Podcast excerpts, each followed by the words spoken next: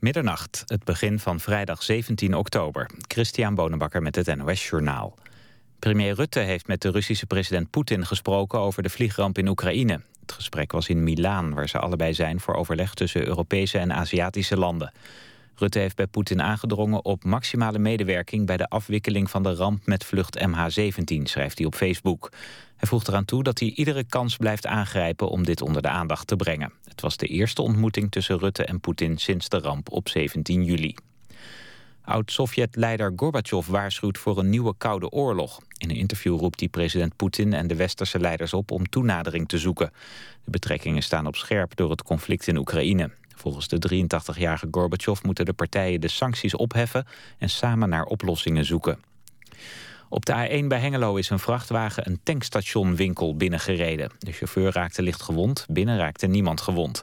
De tankshop is flink beschadigd. De brandweer bekijkt of er instortingsgevaar is en of het winkeltje gestut moet worden. De vrachtwagen vervoerde groenten. Het is onduidelijk waardoor die tegen de tankshop is gereden. Eerder op de avond raakte een vrachtwagen op de A12 bij Maarsbergen van de weg. Hij ramde daarna de paal van een portaal met matrixborden.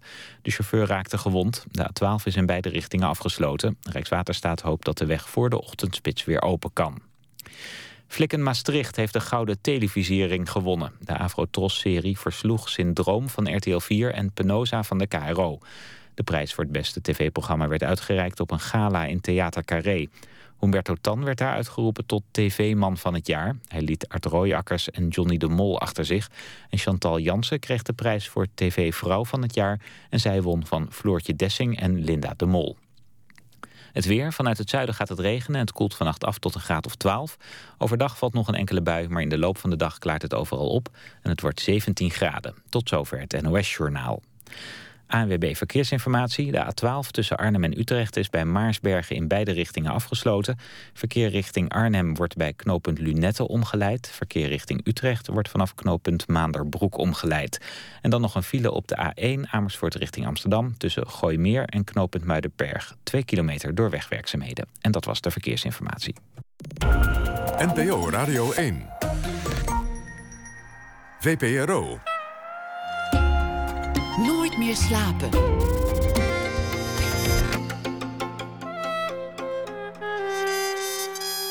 Met Pieter van der Wielen. Goedenacht en welkom bij Nooit meer slapen. De afdeling nepwapens heeft ooit bestaan achter het ijzeren gordijn tijdens de Koude Oorlog. Was een groep die in het geheim niet bestaande wapens moest bedenken en ontwerpen. Aandacht daarvoor na één uur. Bart Chabot is vastgelegd in 3D tot zijn eigen vreugde. Dat hoort u ook zo meteen. En u krijgt een verhaal van Franka Treur dat ze speciaal voor ons uh, heeft geschreven. Dat doet ze deze week elke dag. Maar we beginnen met Joost de Vries. Waarom vallen vrouwen op de personages van Tommy Wieringa? En waarom zijn Grunbergs helden altijd gedoemd te falen? En waar is eigenlijk de seks gebleven bij de jongere schrijvers? Onderwerpen van zijn essays, gebundeld in uh, het uh, boek Vechtmemoires. Joost de Vries is geboren in 1983, studeerde geschiedenis en journalistiek, is schrijver, journalist, criticus, schrijft onder andere voor de Groene Amsterdammer. Zijn eerste roman, Clausewitz, werd met veel applaus ontvangen. Zijn tweede boek vestigde hem definitief als auteur in de Nederlandse letteren. De Republiek was daarvan de titel. Hij won daarvoor de belangrijke Vlaamse literaire prijs, de Gouden Boeken L. En hij groeide op in Heer Hugo Waard. Joost de Vries, hartelijk welkom. Dankjewel. Het moeilijke bij de voorbereiding, en dit, uh, dit heb je al vaker gehoord, dat weet ik ook, is dat je dan uh, een map krijgt met artikelen van jouw hand. En uh, nou ja, Joost de Vries, er zijn er meer van. Joost de Vries uit Heer Hugo Waard is een volkszanger ja. met een, een zomerhit gehad met Wat is het toch heerlijk om te dromen. Bij jou op de middelbare school bleken ook meerdere Joost de Vriesen te zitten. Wat het roosterbureau tot wanhoop dreef in de journalistiek is er ook nog een andere Joost de Vries. Die dan ook weer artikelen schrijft die soms een beetje raken aan wat jij zou kunnen schrijven. En dan hoorde ik van mensen in je omgeving dat het je eigenlijk soms wel een beetje dwars zit. Dus dus ik, ik ben opgegroeid in Heergewaard. En daarin ken ik eigenlijk niemand die Joost de Vries heette. Of ik ken, nee, laat ik het zo zeggen. Ik kende niemand die Joost heette. En toen ging ik studeren. Ik heb, ik heb begonnen met de school van journalistiek in, uh, in Utrecht. Toen hadden we in Baarn het introductie, uh, de introductieweek. En toen stond ik daar en toen kwam een jongen op me af. Die bleek bij me in de klas te zitten en zei... nou, ik, ben Joost. Zei ik, oh, wat leuk, ik ben ook Joost. Toen kwamen twee jongens voorbij lopen en die zeiden... heten jullie allebei Joost? Wij heten ook allebei Joost. En dat was toen voor mij voor het eerst het besef dat er meer Joosten waren. En toen al snel ging er denk ik inderdaad een lichtje branden... dat er aangezien er heel veel mensen in Nederland zijn die de Vries heten, dat er helemaal veel mensen zijn die Joost de Vries heten. Dus ehm, zelf heb ik nu wel het idee, zover heb ik er dan geschopt, dat ik de eerste Joost de Vries ben. In de zin dat als je me googelt, dat je dan volgens mij het snelst bij mij uitkomt en niet bij een andere Joost de Vries. Misschien een, een tweede naam, Joost R. de Vries. Zou Ik een- heb geen tweede naam. Dat, Oh, is, ja. dat is een groot probleem, inderdaad. En eh, er is inderdaad een jongen van de, bij de Volkskrant die schrijft over. Nou, wel een heel ander onderwerp hoor, meer immigratie en eh, rechtsstaat dingen. En toen, toen die sprak ik een keer en zeiden: Oh, maar kan jij dan geen, geen initiaal doen? En die had ook geen tweede initiaal. Dus we, we, we moeten het ermee doen. Ik haal het aan omdat in je eerste boek Clausewitz je een personage opvoert met de naam Joost de Vries. Niet, niet de vertellende stem. In je tweede boek is er een eh, Philip de Vries. En, en dit is maar een van de voorbeelden van subtiele gelaagdheid die je in je boeken naar voren laat komen. Ja, in het, in het geval van, van de Republiek ehm, is een belangrijk onderdeel in het plot is een identiteitsverwisseling.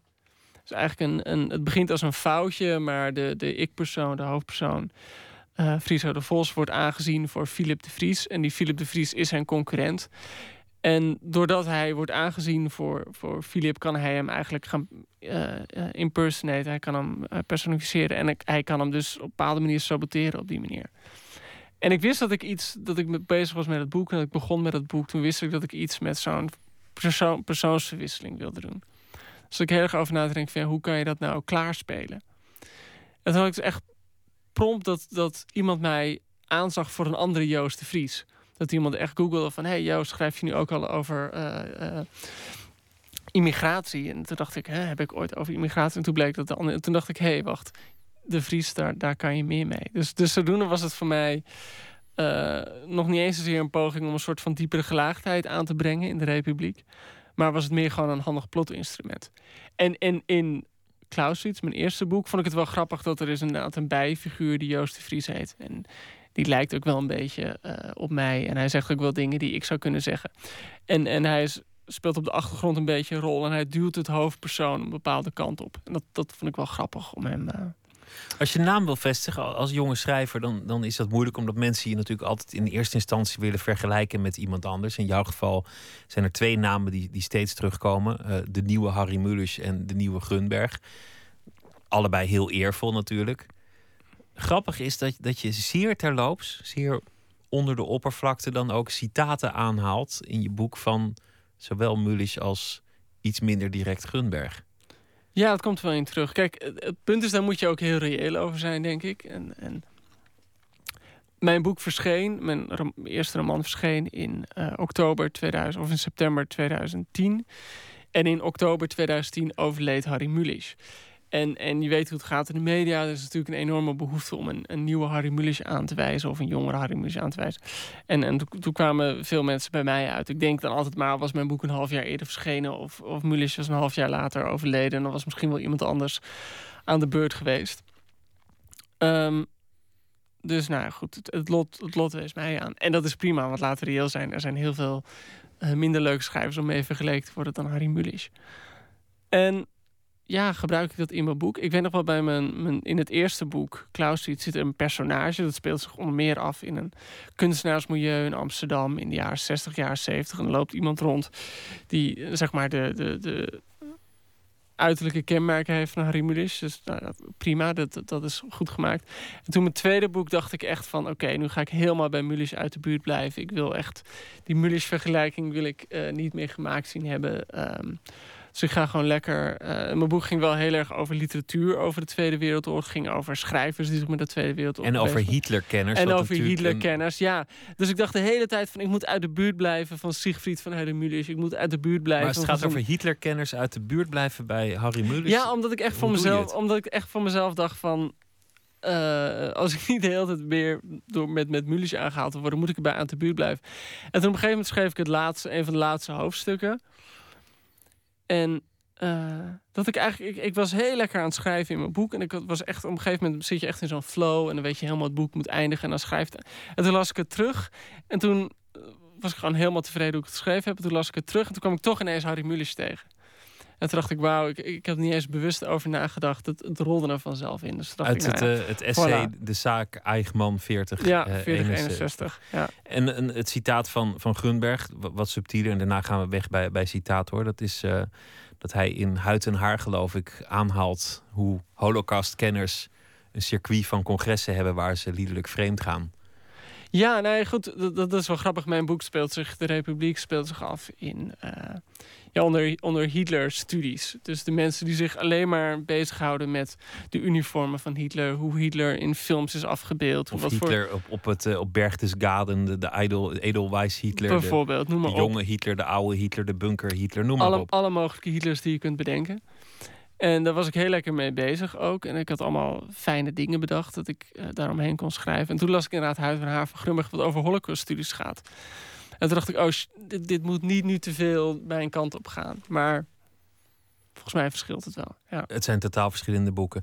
Je bent, eh, er is meer over jou te vertellen dan alleen eh, de hoge literatuur en de kunsten. Mensen zouden misschien denken, goede Amsterdammer literatuur, wat een, wat een plechtige jongen. Je bent ook een vervent gokker. En niet zo'n beetje ook, heb ik eh, begrepen. Nou ja, ik ben niet echt een gokker. Dat, dat moet ik erbij zeggen. Maar ik ben. Ik denk dat, ik weet niet hoe dat voor jou is, maar ik ben natuurlijk zo keurig opgevoed in Europa dat je dan naar een mooie oude stad toe gaat en dan ga je naar het, plein toe en dan ga je de kerk bekijken en dan ga je het museum bekijken. Zo ben ik echt heel intens geïndoctrineerd en dat dat Tijdens je jeugd door je ouders. Tijdens, mijn- nou, door mijn ouders, maar ook gewoon dat in alle jaren daarna ben ik altijd op elke vakantie keurig naar het museum en de kerk en hoe maar op gegaan. Wat je hoort te doen. En toen op een gegeven moment was ik met vrienden naar Las Vegas. En een vriend van mij die eh, was, was en is nog steeds eh beroepspokeraar online. En toen stapten we dat vliegveld uit en ja, dat was iets heel raars. Dat ik me echt meteen helemaal op mijn gemak voelde. En ik ben helemaal niet iemand die per se grote bedragen wil winnen of verliezen. Of... Maar Vegas is een stad, Las Vegas is een stad die nergens op lijkt. Het is niet eens een stad, het is een soort raar pretpark. Het is een, die casino's zijn zo ontworpen dat je nooit weet hoe laat het is. Dat je nooit weet welke uitgang er is. Dat je amper daglicht binnenkrijgt. Want ze willen je in een soort van permanente... Ja, die, die ontwerpers van die casino's wil je in een permanente staat houden. Waarin je nooit helemaal weet waar je bent. Waar je altijd de tijd hebt over. Dus het was totaal anders van wat ik gewend was. En op een of andere manier ging ik daar op mijn stoel zitten en dacht ik, ja, lekker. En toen, ja, dus, dus de, de alle keer dat ik daar geweest ben, zit ik dan met gemak, zit ik... eh, Je zegt al alle keren dat ik daar geweest ben ja, het is een gekke plek om meerdere keer naartoe te gaan. Maar ik ben er nu inderdaad best wel vaak geweest. En, en om te gokken. Dus. ja, nou niet eens zozeer om te gokken, maar meer gewoon om acht uur lang aan een stoeltje te zitten. En dan komen de dealers voorbij en de chips worden uitgedeeld Je- je en de je- kaarten worden uitgedeeld. Het, is een soort, het klinkt heel autistisch misschien, maar gewoon zo'n con- constante herhaling van alles. Het is gewoon de hele tijd en je kan zelf... Maar je, hebt meerdere, ehm, er, daar zijn hele boeken over geschreven. Je hebt, je hebt meerdere profielen van gokkers. De, de berekenende beroepsgokker, de, de, de verslaafde gokker, de voorzichtige gokker, de berekenende gokker, de, de antisociale gokker, noem maar op, de sociopathe gokker. Als jij jezelf een profiel zou moeten geven als gokker, Ja, tight scared. Dus, je hebt mensen die zijn loose en die spelen heel veel. Je hebt mensen zijn tight, die zijn heel bescheiden. En ik ben dan tight scared. Dus ik ben ook nog eens. Dus ik ben heel voorzichtig. En als het dan eenmaal zover is, dan, is het dan, dan komt er bij mij meestal een soort van godzegenende greep. En dan gooi je maar alles erin. En dan. maar gooi je dan al je fiches op één vakje? Nou, ik, poker. Dus je speelt wel op kaarten. En dus het is niet zo dat ik bij het roulettewiel sta of zo.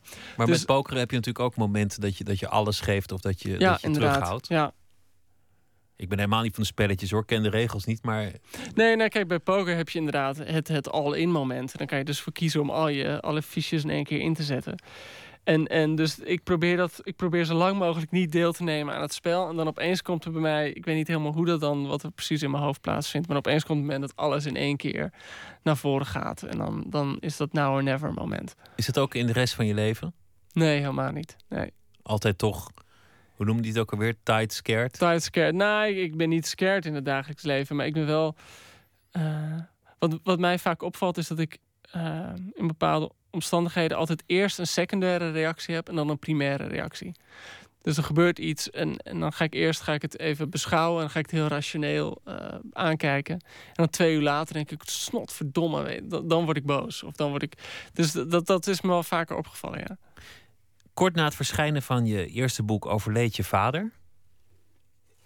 Zeg ik het Kort ervoor. Kort Ja. voor het verschijnen van je boek overleed je vader. Dat is, een, dat is een cruciaal verschil. Heeft hij het nog gelezen? Nee. Was het wel al af? Ehm, bijna, ja. Hij Eh, heeft het dus net niet meer kunnen lezen. Nee. Eh, ja, nee, dat vond ik dat, dat. Ja, dat is lastig. En op een bepaalde manier, dat klinkt heel stom. Ik had natuurlijk ook wel. eh, Hij is een jaar ziek geweest. Vond ik het ook wel heel moeilijk om het. Ja, ik heb het ook niet aan hem gegeven om te lezen. Ook omdat ik mijn vader kende. En die zou meteen met een rode pen zou die er eh, doorheen gaan. Op een bepaalde manier voelde het boek nog heel erg als iets dat van mij was. En ik, ik vertelde het sowieso bijna aan niemand dat ik het boek schreef totdat het af was. Ehm, volgens mij wisten mijn collega's pas dat ik mijn eerste roman geschreven had toen dat eh, al in de aanbiedingsfolder stond. Dus dat heeft hij niet meegemaakt. En, en eh, het is wel heel gek op een bepaalde manier. Want, want Dat is eh, een dilemma, want ik, ik snap heel goed dat je niet een boek aan iemand wil laten lezen voordat het af is. Dat is, dat is eng, dat is, dat is kwetsbaar. Tegelijk is dit de laatste kans om je, om je vader je boek te laten lezen. Ja, nee, dat is het ook. En voor mij, ik ben er ook niet helemaal uit. Ik bedoel, ik heb er heel veel over nagedacht, maar ik ben er niet helemaal uit waarom ik het niet heb laten lezen. Voor mij had het deels mee te maken dat het heel erg van mezelf voelde. Ehm, ook en dat ik het gewoon echt moeilijk vond om het uit de hand te geven. Zeker aan mijn vader, die gewoon wel echt zo'n. zo'n mijn vader en ik konden altijd wel heel veel eh, bakkeleien over wat een goede zin was en niet.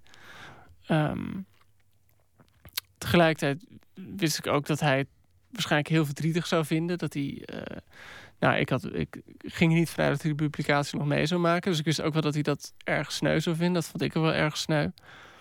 Maar ik ben er niet helemaal over uit waarom ik het niet gedaan heb. Je zei net, ik, ik heb de neiging om eerst secundair te reageren, rationaliserend, Ja. heel erg eh, eh, met het hoofd. En daarna dan sla ik met die vuist op de tafel en dan komen de emoties. Is, is dat ook gebeurd in dit geval met het overlijden van je vader? Nou ja, ik, ja kijk, ik, eh, god. ehm, weet je wat het is met. Kijk, mijn vader had eh, ehm, kanker. En tussen zijn diagnose en zijn uiteindelijke overlijden zaten, geloof ik, 53 weken. Dus een jaar en, en een paar dagen. En dan, dan overlijdt hij. In de paar weken daarvoor weet je natuurlijk dat het gaat gebeuren. Want het is echt een soort van, van lamp die langzaam uitgedraaid wordt. En dat levert heel veel stress op. Dus je bent de hele tijd, je moet heel veel dingen regelen. En dan heb je die uitvaart. En dan ben je doodzenuwachtig voor de speech die je moet geven. En je wil alles perfect regelen. En je wil precies weten dat de uitvaart is zoals hij het zou willen hebben. Dus je bent eindeloos mee bezig. En dan is dat afgelopen. En dan ben je bijna blij. Dan- Ik was echt gewoon, nou ja, vrolijk is misschien niet het juiste woord. Maar ik was gewoon heel dankbaar dat het erop zat. Ja, maar die aftakeling is ook vaak En- vreselijker dan de dood. Ja, natuurlijk. Dus je bent gewoon heel blij dat het erop zit. En dan komt zo'n zo'n rouwproces of zo, dat je ineens hem heel erg mist. Dat komt dan pas een, een half jaar later of zo. Dat, ehm, dat, dat komt echt met een soort van vertraging komt dat aan. En dan, dan is die klap eh, dubbel zo hard. En wat voor mij heel gek was, en, en dat voelt nog steeds heel gek aan, was dat mijn vader overleed eh, eind mei en mijn boek verscheen eh, begin september. En, en in die tijd gebeurde zo ongelooflijk veel met mij in, in mijn leven. Gewoon met het boek. Dat, dat, dat is nogal wat. Dat voor mij ook echt voelde alsof ik ineens, zeg maar, in, in een paar maanden tijd een totaal ander leven was gaan leiden. Dus wat dat betreft voelt het heel gek. En voelt het. eh, ja, ik bedoel, als je kijkt wat er. Ja, sorry als ik wat te veel over mezelf zit. te- maar als je kijkt ehm, wat er gebeurd is in die vier jaar sinds mijn boek is verschenen. Want het is nu nou, net iets meer dan vier jaar geleden dat mijn eerste roman is verschenen. Is er zo ongelooflijk veel gebeurd. Ehm, gewoon op professioneel vlak hoor. Maar zoveel plekken waar je bent geweest, zoveel dingen die je hebt meegemaakt die je anders nooit zou meemaken. Voelt het echt al zo lang geleden ook dat dat, dat, dat er nog niet was. Dus het is wel heel gek dat je ineens in je leven een soort van. ehm, ja, ik weet niet of je nou naar, of je het moet noemen, of je eh, in een stroomversnelling raakt, of dat je naar een andere eh, verdieping komt of zo. Dat voelt, ja. Dus je vader is dan ook een beetje van een andere tijd geworden eigenlijk. Als hij nu terug zou komen, wat een ridicule gedachte is, maar soms droom je dat misschien wel eens, dat Ja, iemand ja, ineens absoluut. terug is. Ja. Dan, dan zou je wel heel veel moeten uitleggen. Dus ik denk wel heel veel moeten uitleggen. Wel, ja.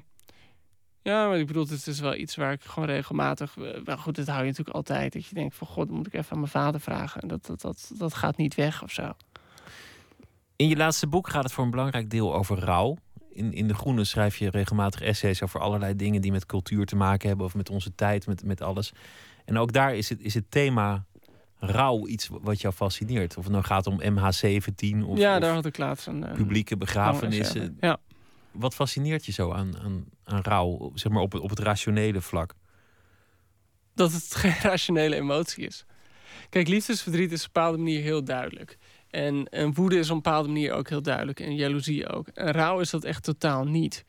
Het is, wat ik net al zei, het is iets dat met een boemerang komt. Het is iets waar hele duidelijke... Ik bedoel, ik heb toevallig eh, aan de hand van, van de ramp met MA17... heb ik er veel onderzoek naar gedaan ook nog eens. Het is ook iets dat hele duidelijke psychosomatische... Uh, afwerkingen heeft. Ik bedoel, er gebeurt van alles met je lichaam. Het is echt heel, heel raar. Het is een emotie die door allerlei rare dingen getriggerd kan worden. Um, ja, het heeft iets heel onduidelijks, heeft het.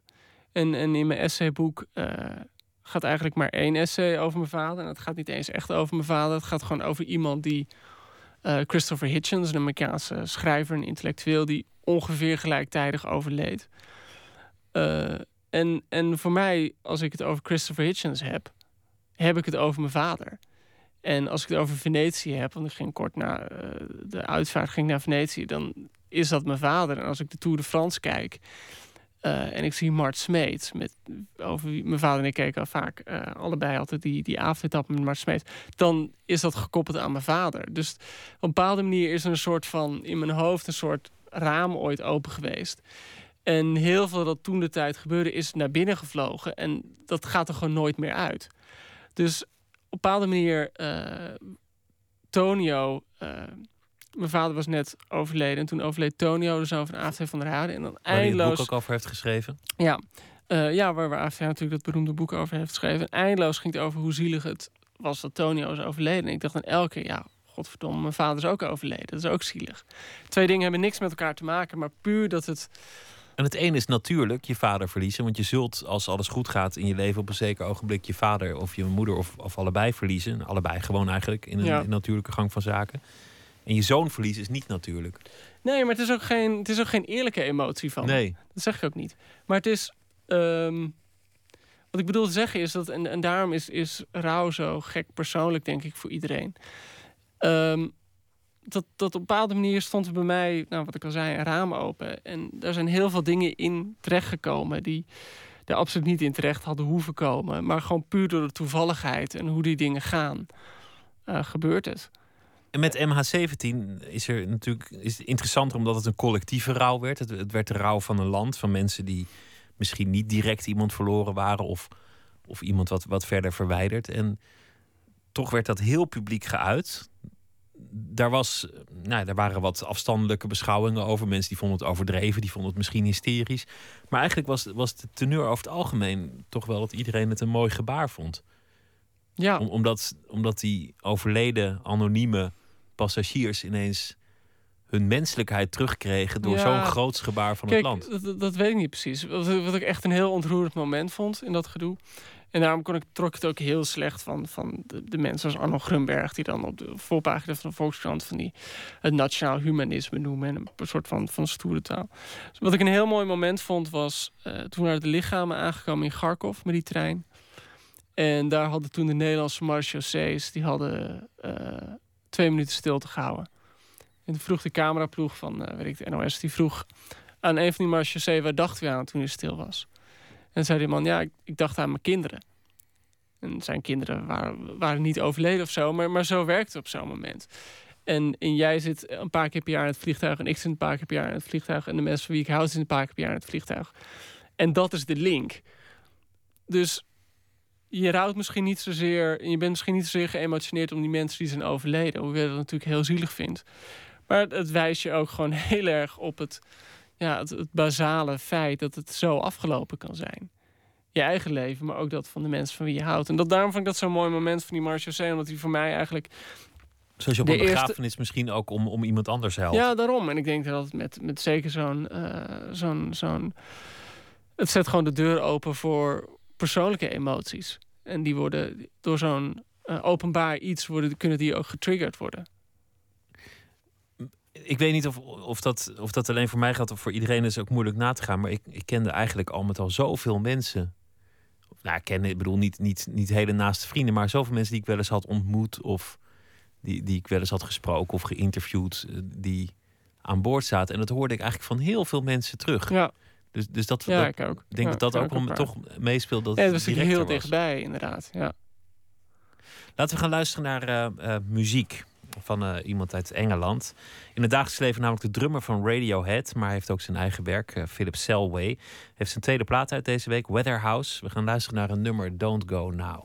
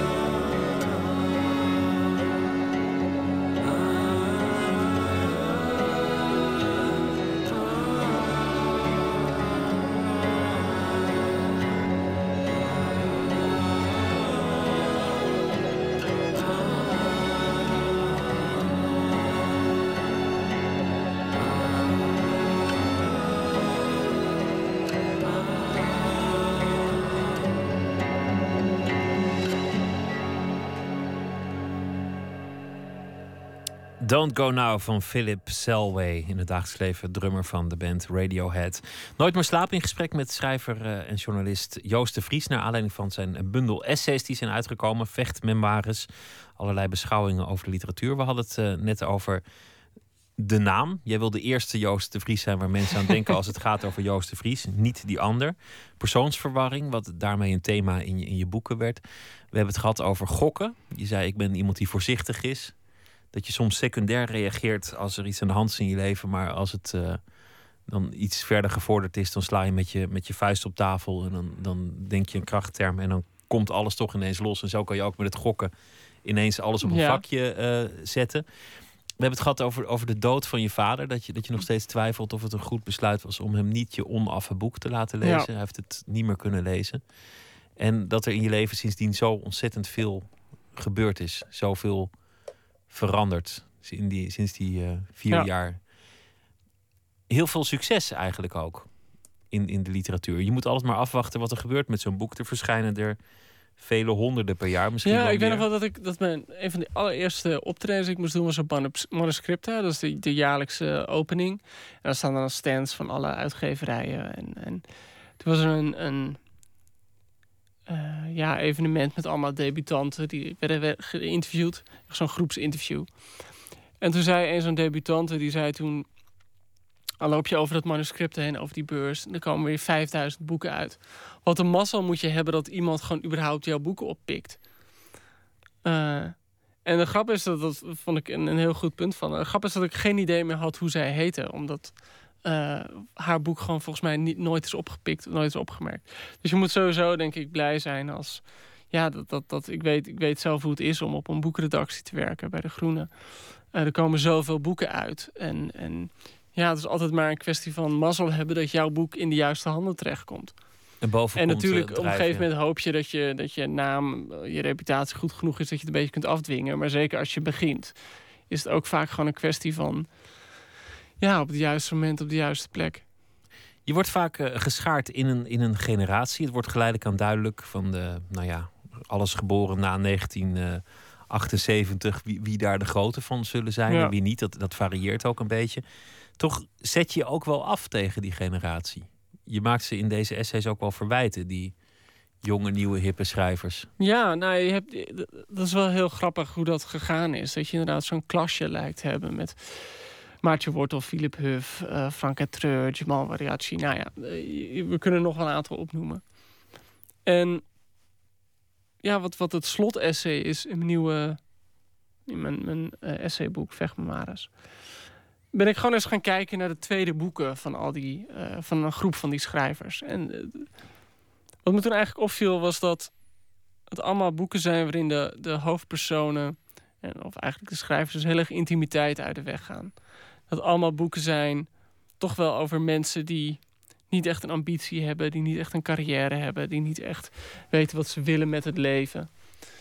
Ehm, Maartje Wortel schreef een tweede boek over, over, een jongen die de hele dag op bed ligt te roken eigenlijk. ja, Frank Treur schreef een boek over, over iemand die een woongroep ingaat om, om maar aan het gezinsleven te ontkomen. En uiteindelijk zo gedesillusioneerd raakt Ja. door al die opgeblazen idealen en holle praat dat ze toch maar vertrekt naar die nieuwbouwwijk die ze verafschuwde. ja, Robert Wella geschreven een, mooi boek verder over een jongen die uiteindelijk al zijn spullen verkoopt en gewoon vertrekt.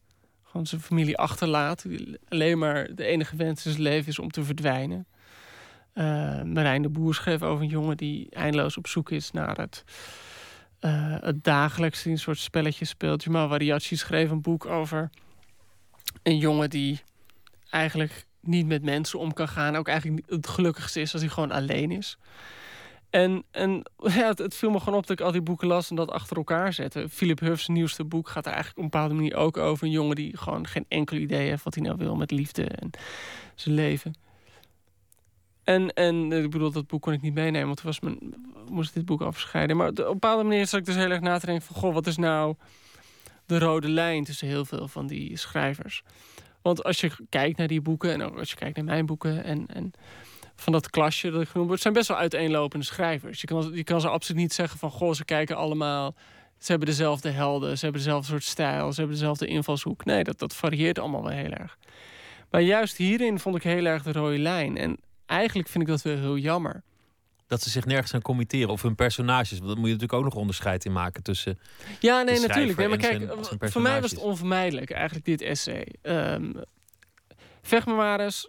Mijn boek gaat over, ehm, over literatuur heel veel. Maar het gaat ook heel veel gewoon over het leven. En wat, wat ik merk, en ik, ik, ik weet niet, misschien heb jij dat ook. Misschien hebben luisteraars het ook. eh, ik toets heel veel van wat ik meemaak in mijn persoonlijke leven. Op een gegeven moment lees je dan er iets over in een roman. En dan spiegel je jezelf eraan. Dus ik heb echt altijd heel veel aan literatuur gehad. Gewoon om mijn eigen leven beter te begrijpen. En om beter over andere mensen na te kunnen denken. En beter over mezelf na te kunnen denken. Maar dan heb je wel personages nodig. Die op een bepaalde manier een soort dingen maken waar je je toe kunt verhouden. Het gaat er niet alleen om dat deze personages van veel van die schrijvers. Eh, niet weten wat voor carrière ze willen. Maar ze zijn eigenlijk ook mensen die nooit echt een grap maken. Of nooit heel erg verliefd zijn. Eh, en uiteindelijk ben je dat wel in je leven. Maar wat zegt dat over die generatie? Is, is dat echt een generatiethema? Nou, kijk, op een bepaalde manier kan je denk ik op, een, op, op twee manieren benaderen. Je kunt eerst zeggen van ja, oké, dit misschien past dit niet gewoon heel erg bij het grotere vraagstuk. Dat van, dat van keuzestress en dat van zingeving. En dat van jonge mensen die niet weten wat ze willen met het leven. Hè? Dat, schijnen geloof ik de universiteiten vol van te zitten. Maar daar gaat het volgens mij niet over. Want dit, gaat dit, gaat niet, dit gaat niet alleen over mensen die niet weten wat voor baan ze willen. Het zijn ook mensen die op een soort fundamenteel niveau geen ambitie, geen liefde, geen humor, noem maar op hebben. Dus dat is wat anders. Dus wat, wat is het dan? Nou, volgens hoe je dan denk ik moet bekijken is... eh, ja, ik denk toch dat dit ook een misschien iets meer veilige weg is voor de schrijver zelf. Kijk, als je een personage hebt dat niet helemaal bestormend is... dan hoef je misschien ook niet een helemaal bestormend boek te schrijven. Dus wat betreft, ja... Ik, ik, iemand vroeg me daarna van... Goh, veroordeel je nou met zo'n stuk die schrijvers? Dat, heb, dat idee heb ik helemaal niet. Maar het is misschien wel een beetje een soort van appel of zo. Van, Het is, je maakt het jezelf als schrijver moeilijker. Want, want een personage dat heel graag iets wil, daar, daar ga je makkelijker in mee. Iemand die, die voluit leeft, daar kun je makkelijker mee identificeren. Dat is, dat is bijna als een filmscript. Iemand wil iets en er staat iets op zijn pad. Dat, dat is een, dat is een, eh, mooie opbouw voor een boek. dat denk ik niet. Iemand Kijk- die, niet, die niet iets wil, dat, dat wordt een beetje moeilijk. Nee, dat denk ik niet. Kijk, ik bedoel, die pagina is blanco. Die pagina is kill. Dus het is veel makkelijker om een kill personage neer te zetten... dan echt een warmbloedig personage met hoop en liefde en angsten. Ik bedoel, om, om zo'n soort personage te creëren... zou je denk ik wel echt ja, dieper op de stof in moeten gaan. En, en kun je jezelf niet met een soort van sarcastische houding ervan afmaken. Is, is dat wat er aan de hand is? Is dat eigenlijk. Want dat zie je op, op meer vlakken in, in de generatie. Nou ja, de, de- jouw generatie. De eeuwige ironie. Ja, nou, We hadden, we hadden vorige week een gesprek met, eh, met iemand in het, in het tweede uur van dit programma. En, en ik hoorde dat en, en die zei eigenlijk achter iedere zin. Ik zal, ik zal niet meteen namen noemen, is ook niet zo relevant. Maar die, die, die zei: Nou ja, dit is mijn beste werk. Of nou ja, beste werk. Alles, meteen, alles wat je zegt, meteen zelf onderuit halen. Ja, nou kijk, dat is natuurlijk het hele probleem van ironie. Is niet alleen. Eh, kijk, je kan 101 definities op ironie eh, aflaten. Maar wa- waar het vaak op neerkomt, is dat je een soort van. Er zit een soort superioriteit aan. Ironie is heel vaak van ja, ik weet het zelf ook wel, maar. eh, Zo'n soort houding waarin je laat zien van, eh, dat, je, dat je streetwise bent, dat je het begrijpt. En ik denk dat ironie bij heel veel mensen er een beetje ingeslopen is. Dat je ook een soort van superioriteit, superieur bent aan jezelf. En ik denk dat je dat heel veel terugziet in de, in de huistuin- en keuken-ironie van de gemiddelde hipster. Dat je kleren draagt die je zelf ook niet mooi vindt. Eh, dat je je met een, een, een baan bezighoudt waar je zelf ook wel weet dat het niet echt een belangrijke baan is. Maar je gaat er helemaal in op. Op een bepaalde manier is, een hele, is, is ironie in, in die hoedanigheid een soort van airbag geworden. Eh, het is een soort van valmechanisme. Het weert je af. eh, Om, om je ergens echt aan te committeren. ja, maar, daarom. Je, je commenteert maar waarom committeren mensen zich niet aan iets? Om, omdat het te weinig is om je aan te committeren? Of zijn ze gewoon laf? Ehm, ik kan me niet voorstellen dat, je, dat, dat er niet genoeg is om je aan te committeren. Nou ja, dat, dat was eigenlijk, in, in- als we het dan toch over boeken hebben, in, in het boek van Frank Catreur, de tragische conclusie. Dat vond ik ook jammer dat veel recensenten dat er niet uithaalden. De tragische conclusie is, ze probeert verschillende dingen en uiteindelijk komt ze tot de conclusie van, nou ja, het is in dit leven rommelen of, of naar de nieuwbouwwijk, maar meer smaken zijn er niet tegenwoordig. Is dat zo? Nee, ja, kijk, ik bedoel, je hoeft niet, niet committeren. Het probleem is met zo'n woord als committeren... dat je meteen denkt van, oké, dan bedoel je dan dat ze bij eh maar- Artsen zonder Grenzen moet gaan... of bij het Vreemdelingenlegioen of, of iets van die, die aard. Nou ja, dat niet zozeer, maar tegenwoordig is, is eigenlijk er maar één model, namelijk het, het, het burgerlijke model. Nou, kijk, het punt is dat eh, het, het rebelse leven zoals dat het er misschien was... bestaat misschien niet zo, zo eens meer. Ik bedoel, al kijk je naar... Ik kan wel echt staan te kijken naar... Nou, neem een voorbeeld aan ehm, in het stadsarchief in Amsterdam... waar er was een reportage van Amsterdam in de jaren tachtig. Je kunt je niet voorstellen hoe. Als je nu door Amsterdam heen fietst... je gaat met een gemiddelde toerist Amsterdam heen... en je laat vervolgens foto's zien hoe het er 30 jaar geleden uitzag... die kunnen zich denk ik niet voorstellen dat Amsterdam er zo uitzag. Nee, Zo'n puinhoop dat het was. Het heilig vuur van, van de hippies, het heilig vuur van, van de kraakbeweging.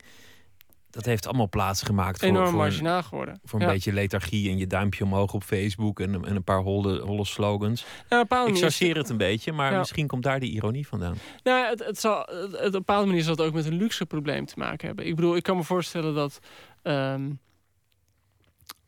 dat je met heel weinig eh, besteed bij inkomen... alsnog een heel riant leven zou kunnen hebben. Ik bedoel, je hoeft je telefoon... oké, moet je 100 euro betalen als je abonnement afsluit... maar voor de rest is sms'en is gratis. Ehm, eh, je kunt whatsappen, dat is gratis. Je kunt tv-series op je computer kijken, geen dat is auto meer. gratis. Een, racefiets Eh, je- is genoeg. Niemand wil nog een, een auto. Dat schijnt echt een groot probleem te zijn. Dat, dat, waar- ooit het nog een droom was om een mooie auto te hebben, dat daar niemand meer echt in geïnteresseerd is. Eh, kleding, ja, koop je gewoon bij de HM. dus, dus wat dat betreft is, is kun je denk ik met ehm, die generatie die ooit echt een, een voet tussendoor proberen te krijgen, dat die voet niet meer zo nodig is. Hoe zit dat met jezelf? Eh, eh, Want je bent een, een, een laffe gokker, dat zeg je zelf. ja. Maar zet je in het leven wel alles in op dat ene vakje, namelijk om, om een groot schrijver te worden? Schrijf je ja, voluit? Schrijf Ja. je zonder ir- ironie? Ver- verschuil je je nergens achter? nee, nee. En ik, ik geef er ook alles voor op. Ik bedoel, ik, ik ehm, ja, je moest dus weten hoeveel tijd ik gewoon in mijn eentje achter mijn computer doorbreng, terwijl ik ook gewoon met een, een leuk meisje iets zou kunnen doen, of gewoon met mijn vrienden iets leuks zou kunnen Het is doen. bijna het gevaar van jouw boeken dat ze zo intelligent in elkaar zitten dat, dat je je culturele bagage, je spitsvondigheid, je, je, scherpte, je gevoel voor plot en intrige, dat je zoveel in je boeken wil, wil stoppen dat, dat het zeer geconcentreerd wordt. het, het, het, is bijna, Ja. het is bijna een gevaar voor, voor jou als schrijver. Nou ja, ik, ik, ik ben me daarvan bewust. En, en ehm, in het ene soort verhaal past het beter in het andere soort verhaal. En, en in de Republiek bijvoorbeeld heb je een hoofdpersoon die eh, professioneel zich eh, bezighoudt met popfilosofie en met eh, populaire cultuur. Dus ja, dat is iemand die continu dat als referentiekader heeft. Dus dan is het heel logisch dat je dat erin stopt. En mijn volgende boek heeft weer andere personages en zal dat minder hebben. Dus dat is ook gewoon iets waar je de hele tijd over nadenkt. Wat ik leuk vind is dat jij, je bent natuurlijk op papier, dat, dat zei ik al eerder, kunstredacteur van de Groene Amsterdammer, schrijver, essayist. Dan stam je eigenlijk uit, uit een, een gegoede academische kring, zoals je het zelf noemde, zoals ik dat thuis heb meegekregen. Van in de stad ga je naar het museum, naar, Ja. naar de kerk, naar het plein. Maar dan is het juist leuk om naar Vegas te gaan, naar het casino. Dat, dat zit in je essays, in je boeken. Constant moet er ook lage cultuur in. Constant neem je ook eigenlijk die intellectuele academische hoek een beetje op de korrel. Je, je drijft er nog net niet de spot mee, maar je, je, je laat ze wel van een andere kant Ja. zien. Dat zou je als ironie kunnen opvatten. Ja, voor mij is dat, is dat denk ik geen ironie. Ik bedoel, ik heb het ook wel gewoon nodig af en toe om gewoon met mijn vrienden naar, naar Cool Down Café te gaan op vrijdag, vrijdagavond. Ik Nee, bedoel, iedereen heeft zijn, heeft zijn eh, verleiding. Ik bedoel, niemand luistert alleen maar naar, naar Shostakovich. Mensen luisteren allemaal ook, ook naar, Ja, naar. André Ja. Hazes. Ik, ik geloof er nooit zo in dat daar een strikte scheiding bestaat tussen, tussen het een en het ander. Maar het op de korrel nemen van academische kringen, terwijl je er zelf zozeer mee geassocieerd wordt. Nou ja, kijk, ja. ehm, maar het punt is natuurlijk, je kan het beste satire bedrijven met iets waar je van houdt. Kijk, als je op het moment dat je iets gaat ehm, bespotten waar je echt een hekel aan hebt, dan wordt het al gauw, wordt het denk ik naar geestig en dan wordt het kil. En, en ik vind het juist fijn om over dingen te schrijven die ik, waar ik me heel erg in thuis voel en die wat minder serieus te nemen daardoor. Dus wat betreft Je moet het ook kennen. Om, je moet om het, kennen om, goed te en, om beschrijven. goed te beschrijven. En ik denk met satire dat het iets is waar je stiekem eigenlijk ook wel een beetje van moet houden. Het is natuurlijk ook, zeg maar, eh, hè, wat, wat is het fijnst? eh, wat is er fijner dan the guy you love to hate? Weet je wel, het idee van dat je het fijn vindt om ergens een hekel aan te hebben. En, en met satire werkt het denk ik ook zo. Dat het soms fijn is om iets een beetje te, te willen bespotten. We gaan het zo hebben over, eh, over de liefde en de dood en, en het leven en eh, nog wat van die dingen. Maar we gaan eerst luisteren naar Van Morrison, want het is eh, gewoon Altijd een, eh, goed. Het is gewoon Ja. altijd goed en het is uit 1970. Dus het is een echt goede tijd. En It Stoned Me van zijn album Moondance. Half a mile from the county fair, and the rain came pouring down. Me and Billy standing there with a silver half a crown. Hands are full of a fishing rod and the tackle on our backs. We just stood there getting wet with our backs against the fence. Oh, the water. Oh, the water. Oh, the water. Hope it don't rain all day. And it stung me to my soul. Me just like Jelly Roll. And it stung me. Yet it stung me to my soul. Stung me just like going home. Yet it stung me. And the rain let up and the sun came up and we were getting dry. Almost let a pickup truck nearly passed us by. So he jumped right in, in the driver grinned. Then he dropped us up the road. Yeah, we looked at the swim, and we jumped right in, not to mention fishing poles. Oh, the water. Oh, the water. Oh, the water. Let it run all over me. Yeah, that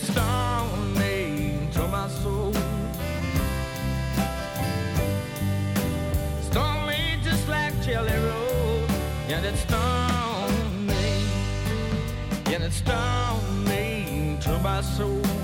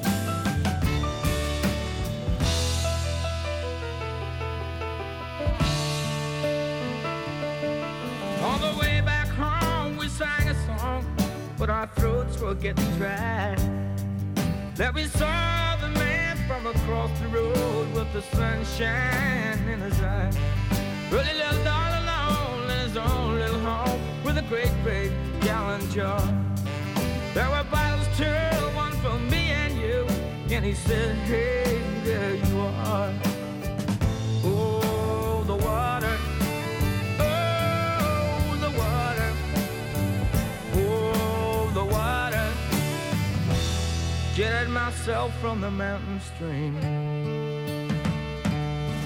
Yeah, it stung me to my soul.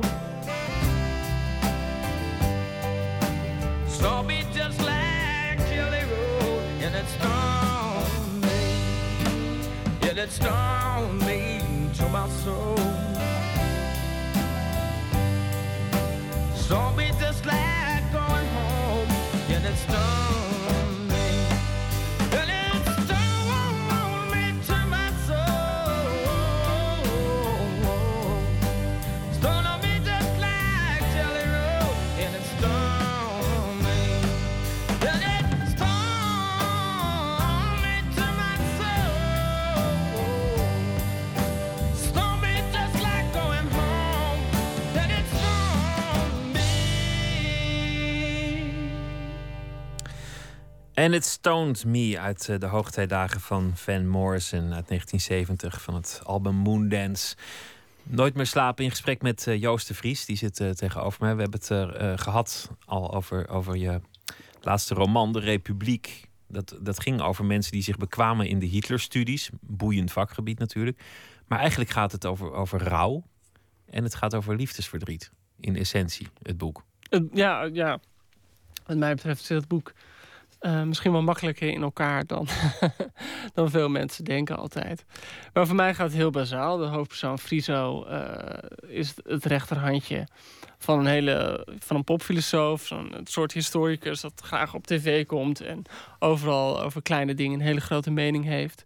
En die is inderdaad professor in de Hitlerstudies. Die overlijdt in het eerste hoofdstuk. Tegelijkertijd heeft Friso net uitgemaakt met zijn vriendin en begint opeens te twijfelen of dat wel een goede keuze maakt. Dus eigenlijk door die twee, ja, dat liefdesverdriet en soort van die rouw en die, die... Is het vooral een boek over iemand wiens grond even onder zijn voeten vandaan is geklapt... en, en in het luchtledige eh, zichzelf eh, overeind probeert te houden. Over rouw hebben we het gehad, maar over, over de liefde nog niet. Je zei net, ik, ik wil wel voluit leven. Als het om, om schrijven gaat, dan, dan ben ik geen laffe gokker. Dan, dan zet ik al alles op dat ene vakje. Of dan, dan zet ik al mijn kaarten gewoon vlam op tafel. Want ik hou niet van afslachtigheid. Ja. Hoe zit dat in de liefde? Ja. Het is wel een ander, ander soort. eh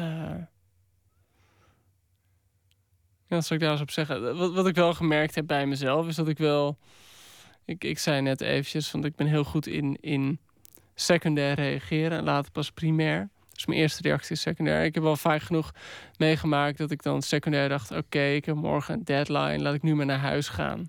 Dat is makkelijker. En dan ben je thuis en denk je... oh shit, ik ook nog wat kunnen gaan drinken met die of die. Dus, dus op een bepaalde manier is dat er ook wel eens doorheen. En, en ik heb net eh, ja, met mijn vriendin wel een rare periode meegemaakt... dat ik wel heel veel eh, tijd voor mezelf nodig heb. Omdat ik gewoon ja, wel echt 100% toegewijd aan het schrijven ben. Dat betekent dus ook dat je niet altijd zomaar iemand toelaat. En schrijven is voor mij niet iets dat je leuk met iemand gaat eten. En eh, dat je dan eh, gaat eten en dan ben je klaar en zeg je... oké, nu ga ik schrijven. En ik heb altijd zo'n aanloopfase nodig... waar ik een paar uur gewoon met niemand hoef te praten... en helemaal alleen gewoon mijn, mijn gedachten de vrije loop kan laten gaan... voordat ik achter mijn, mijn computer ga zitten. Dus ja, ik weet niet. Het, is mij nog, het gaat mij nog niet perfect af, die een met het ander combineren. Dat is grappig. Heel veel ehm, mensen, zowel man als vrouw, maar, maar vooral vrouwen hebben volgens mij die neiging om te vallen op schrijvers. Terwijl als er één groep is in wiens bijzijn. vallen. Nee. Ja. Weg, wegblijven, natuurlijk. Maar wat, wat ik zelf heel opmerkelijk vind, ik heb heel veel schrijvers geïnterviewd bij De Groene. En eh, zeg maar van, van Ian McEwan tot Hilary Mantel, tot noem maar op. Gewoon hele goede, hele professionele schrijvers. Die hebben bijna allemaal zeggen ze hetzelfde. Van ja, ik sta s ochtends om negen uur op. Dan ga ik om tien uur schrijven. En dan werk ik van tien onafgebroken tot twee uur. En dan om twee uur stop ik. En dan ben ik klaar voor de dag. En dan kan ik gewoon het leven leiden. En dus, dus al, alle zeg maar, goede voorbeelden zeggen dat je het gewoon heel gecontroleerd moet aanpakken. En dat lukt mij ook op een of andere manier niet zo. Ik weet wel dat, dat het is echt niet zo dat je op inspiratie moet gaan zitten wachten. Je moet het inspiratie ook altijd afdwingen. Het is ook een kwestie van gewoon achter de computer zitten en schrijven. Maar ik merk wel dat ik een soort van gekke omslachtigheid nodig heb. En dat ik een soort van gekke periodes van niks doen nodig heb. Voordat ik... Omdat er dan iets in je hoofd borrelt. Ja, en- zoiets of zo. Dat er dan een soort En- van en- rust in mijn hoofd komt. En ik- dan kan er niet iets eh, blonds of bruins of, of zwartharigs naast je op die bank zitten die intussen met haar eigen dingen bezig is. Nee, dat vind ik best lastig inderdaad. Ja. Je moet echt alleen zijn. ja, dan moet ik echt alleen zijn, ja. Die Joost de Vries die je in je eerste boek opvoert, waarvan je zei dat hij een beetje op jezelf leek, die wordt meteen in die eerste scène door een Noorse vriendin uitgevoeterd en aan de kant gezet. Ja, dat, dat klopt. Wegens eigenlijk ook wel een, een zekere halfslachtigheid. Dat, dat is het verwijt dat het eh, personage wordt gemaakt. Maar eh, ja, nee, dat, dat herken ik wel, ja. Je hekelt halfslachtigheid, maar in, in die zin in de liefde niet? Of is dat gewoon een keuze? Zeg je van nou ja, ik vind het gewoon minder belangrijk. Ja, maar dat zou ik, zo, zou ik heel kil vinden om te zeggen dat ik het minder belangrijk vind. Ehm, Voor veel mensen is het de reden om te leven. Is het, is het, is het noodzakelijk voor geluk? ja, eh, ik kan me dat voor heel veel mensen voorstellen. En op een bepaalde manier is, klinkt het namelijk ook ongelooflijk eigenvliegs, eigenverliefd om te zeggen dat je dat niet nodig hebt. En om te zeggen dat die boeken je alleen maar gelukkig maken. En ik kan me voorstellen dat als ik nu 15 jaar lang alleen maar boeken ga schrijven en, en voor de rest mijn huis niet uitkom. ehm, dat ik dan op een gegeven moment terugkijk en denk van... oh shit, had, ik had ook andere leuke dingen kunnen doen. Dus wat dat betreft is het natuurlijk altijd zo'n zaak van... eh, het een en ander combineren. Maar wat wel gek is, is dat het... ja, afgelopen jaar ben ik heel veel op pad geweest met mijn boek. Maar ik ben ook gewoon in mijn privéleven heel veel op pad geweest. En, en, ehm, maar dat ik, ik begin nu langzaam weer aan een nieuwe roman te werken. En dan kan ik echt me ontzettend verheugen op gewoon die zaterdagavonden... waar ik gewoon in mijn eentje achter mijn computer zit.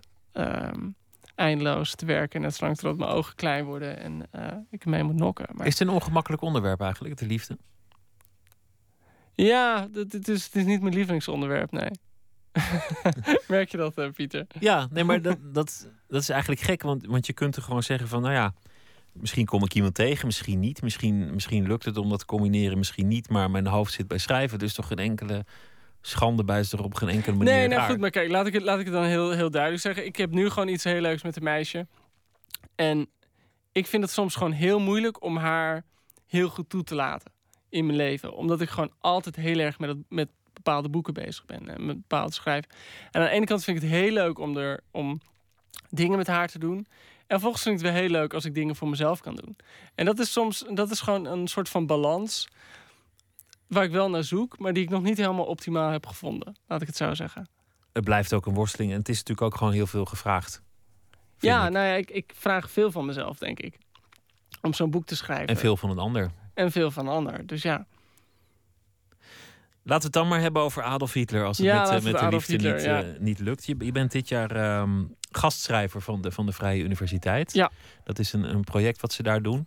Ehm, je verklapte net al, ik weet helemaal niet of het publiek is, maar ik. ik eh, is- bij deze nee, is het publiek. Bij deze is het publiek inderdaad. Nee, kijk, men, men- de Republiek gaat voor een groot deel over eh, ja, historici en filosofen en schrijvers die zich binnen de Hitlerstudies bezighouden. En, en in het geval van de Republiek, de hoofdpersonen zijn ze niet echt bezig met Hitler, de historische persoon, maar Hitler zoals hij in film en literatuur is afgebeeld.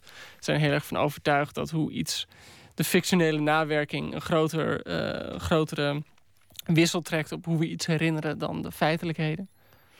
En toevallig kwam, kwam zei ik eigenlijk voor de grap, Tomees, ik volgde Tomees op. En die zei, hey Joost, moet je niet gewoon eh, bij de VU gewoon Hitler-studies gaan opzetten? Dat vond ik wel een grappig idee. Dus dat, dat zei ik daar eens tegen een paar mensen. En die zeiden van, weet je wat, we gaan gewoon een conferentie over die Hitler-studies beleggen. Dus eigenlijk al die dingen die ik Een conferentie of een conferentie? ja, een conferentie bedoel ik, sorry. Ja, dus met ja, ja, nee, en, en dus we gaan een middag over de Hitler-studies. En dat is wel een merkwaardigheid dat wat ik eindeloos heb zitten verzinnen met de onzinnige onderzoekjes die in, in mijn boek allemaal over Hitler worden genoemd, dat we die nu in de realiteit kunnen Want, je, gaan want brengen. je, je, je versprak je je zei conferentie, maar in jouw boek is er ja, iemand... conferentie is het ook bijna natuurlijk. Dus ja. iemand die, die studie doet naar de, naar de moppen over Hitler en dan ook op, op, op een lezing Hitler moppen gaat vertellen. Dat valt natuurlijk ja, dat is totaal dat verkeerd. goed. Ja. We hoeven die moppen niet te herhalen, hoe, hoe grappig sommige eigenlijk ook wel, ook wel waren. Het het is, een, het is van, van alle historische studies, denk ik, de meest fascinerende, tevens de meest rammelende, omdat het meteen iets morbides krijgt en een soort gekke fascinaties. Was hij nou wel helemaal vegetariër? Had hij een seksleven? Was hij verliefd op zijn nichtje? Wat voor herdershonden vond hij leuk? Wat voor bloemen vond hij leuk? ja. Het, het zijn, het zijn tamelijk irrelevante. Nou, kijk, Harry Mulisch, om, om toch even op Harry Mulisch terug te komen. eh, die zei van Hitler is geen eh, onlogisch persoon, hij is een logisch onpersoon. En dat, dat klopt niet helemaal vergeleken met sommige biografieën die, die nu verschijnen, waar Hitler ook als mens gewoon beter uit de verf komt. Maar het is natuurlijk een enorm zwart gat in de geschiedenis. Het is een persoonlijkheid die niet te verklaren is. Of in ieder geval, het is een, een persoonlijkheid die zulke bizarre gevolgen heeft gehad, zulke grote gevolgen dat die bijna niet meer te rijmen zijn met wat dan ook. Ik bedoel, hij heeft honden. En tegelijkertijd denk ik, ja, dat is een man die 6 miljoen Joden de dood in heeft gejaagd. Hoezo was hij liever honden? Wat doet het ertoe? Maar tegelijkertijd doet het ertoe, want het, is, het leven bestaat uit paradoxen. En bij hem zijn de paradoxen natuurlijk ongelooflijk groot. Je zou ook niet naar Hitler kunnen kijken en, gewoon naar de tijd en de omgeving. Niets is zo krachtig als een, als een gedachte waarvan de tijd eh, is gekomen, waarvoor de tijd rijp is. En van Hitler, ja, een vervelende, nare man, zoals er op elke straathoek vervelende, nare mensen lopen. Alleen deze kreeg ineens door omstandigheden precies alle macht. Ja, maar is natuurlijk ook Toegeworpen. iemand met een, een buitengewoon talent ook om die macht naar zich toe te trekken, om die macht eh, uit te oefenen. Dat, dat moet je niet. ehm, moet je niet onderschatten. En vervolgens ontstond er, ja, zit er een zekere toevalligheid in, in hoe het allemaal gegaan is natuurlijk. Binnen de, binnen de, onder historici wordt dat eh, working towards a Führer principle wordt dat genoemd. Dat Hitler een soort de spil was. En dat hij allemaal ministeries had die eigenlijk met elkaar concurreerden. En dat ze allemaal een soort van tegen elkaar opboksten om zo goed mogelijk voor hem dingen te doen. Dus hij hoefde een half woord te geven. Vervolgens gingen drie man verschillende projecten ontwikkelen om die. Dus het was een heel soort raar Byzantijns systeem, dat Derde Rijk, waarin iemand als, als Hitler. ehm, ja, eh, eh, zo makkelijk werd gemaakt. Zo naar boven ja. we hadden het net over, over jouw generatie, die, die zeker ironie heeft. Mullis zou daar waarschijnlijk over zeggen van eh, ze hebben de pech dat ze geen oorlog hebben meegemaakt. Want dat, dat geeft ze een kans om een grote held te zijn, om, om heroïek te zijn, om, om boven zichzelf uit te stijgen. Ja, Cynisch, Hosland maar- heeft inderdaad ook wel eens gezegd van die oorlog was geweldig. En, en we hebben dingen gedaan eh, die anders nooit meer in je leven toe zou komen. En, en dat is natuurlijk het rare van zo'n oorlog, dat het een moment is in de wereldgeschiedenis waarin iedereen een, te- een tijd en een plek en een moment hebt. En, en het Nou feit ja, dat misschien, dat... eh, misschien krijgt jouw generatie ook nog wel een oorlog. Nou, la- laten we het niet hoop- hopen, ik hoop maar het niet. eh, ja, je weet het niet. Dankjewel uh, Joost de Vries. Ik noem nog de titel van het uh, boek, Vechtmemoires. Dank dat je te gast uh, Ja, wilde zijn.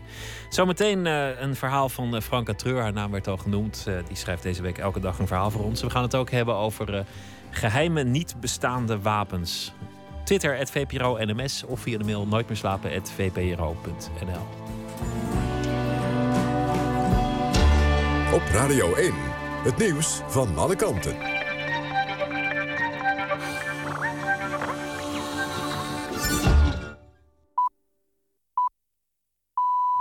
1 uur, Christian Bonenbakker met het NOS Journaal.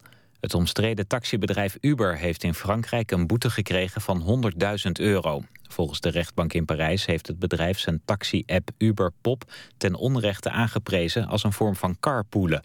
In werkelijkheid rijden particuliere chauffeurs in hun eigen auto tegen betaling passagiers rond, veel goedkoper dan echte taxis. Ook in Nederland speelt de discussie. Afgelopen weekend kregen vier Uber-Pop-chauffeurs in Amsterdam een boete. Staatssecretaris Mansveld zei gisteren in de Tweede Kamer... dat de inspectie blijft optreden tegen Uber-Pop. Tegenover de professionele taxidiensten van Uber staat ze een stuk welwillender. Premier Rutte heeft met de Russische president Poetin gesproken over de vliegramp in Oekraïne. Het gesprek was in Milaan, waar ze allebei zijn voor overleg tussen Europese en Aziatische landen. Rutte heeft bij Poetin aangedrongen op maximale medewerking bij de afwikkeling van de ramp met vlucht MH17, schrijft hij op Facebook. Het was de eerste ontmoeting tussen Rutte en Poetin sinds de ramp op 17 juli.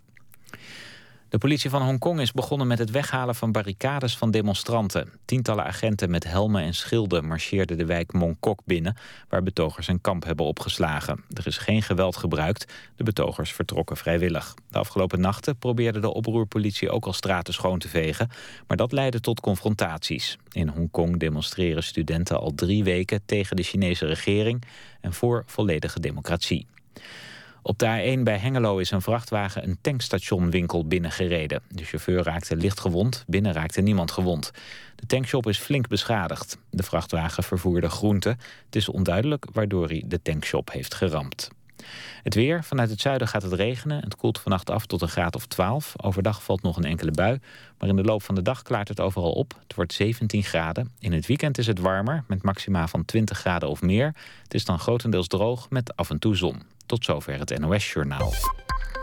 ANWB Verkeersinformatie. De A12 tussen Arnhem en Utrecht is bij Maarsbergen nog steeds in beide richtingen afgesloten. Dat komt door een ongeluk met een vrachtwagen. Dat duurt nog een groot deel van de nacht. Het verkeer wordt vanaf de knooppunten Lunette en Maanderbroek omgeleid. En dat was de verkeersinformatie.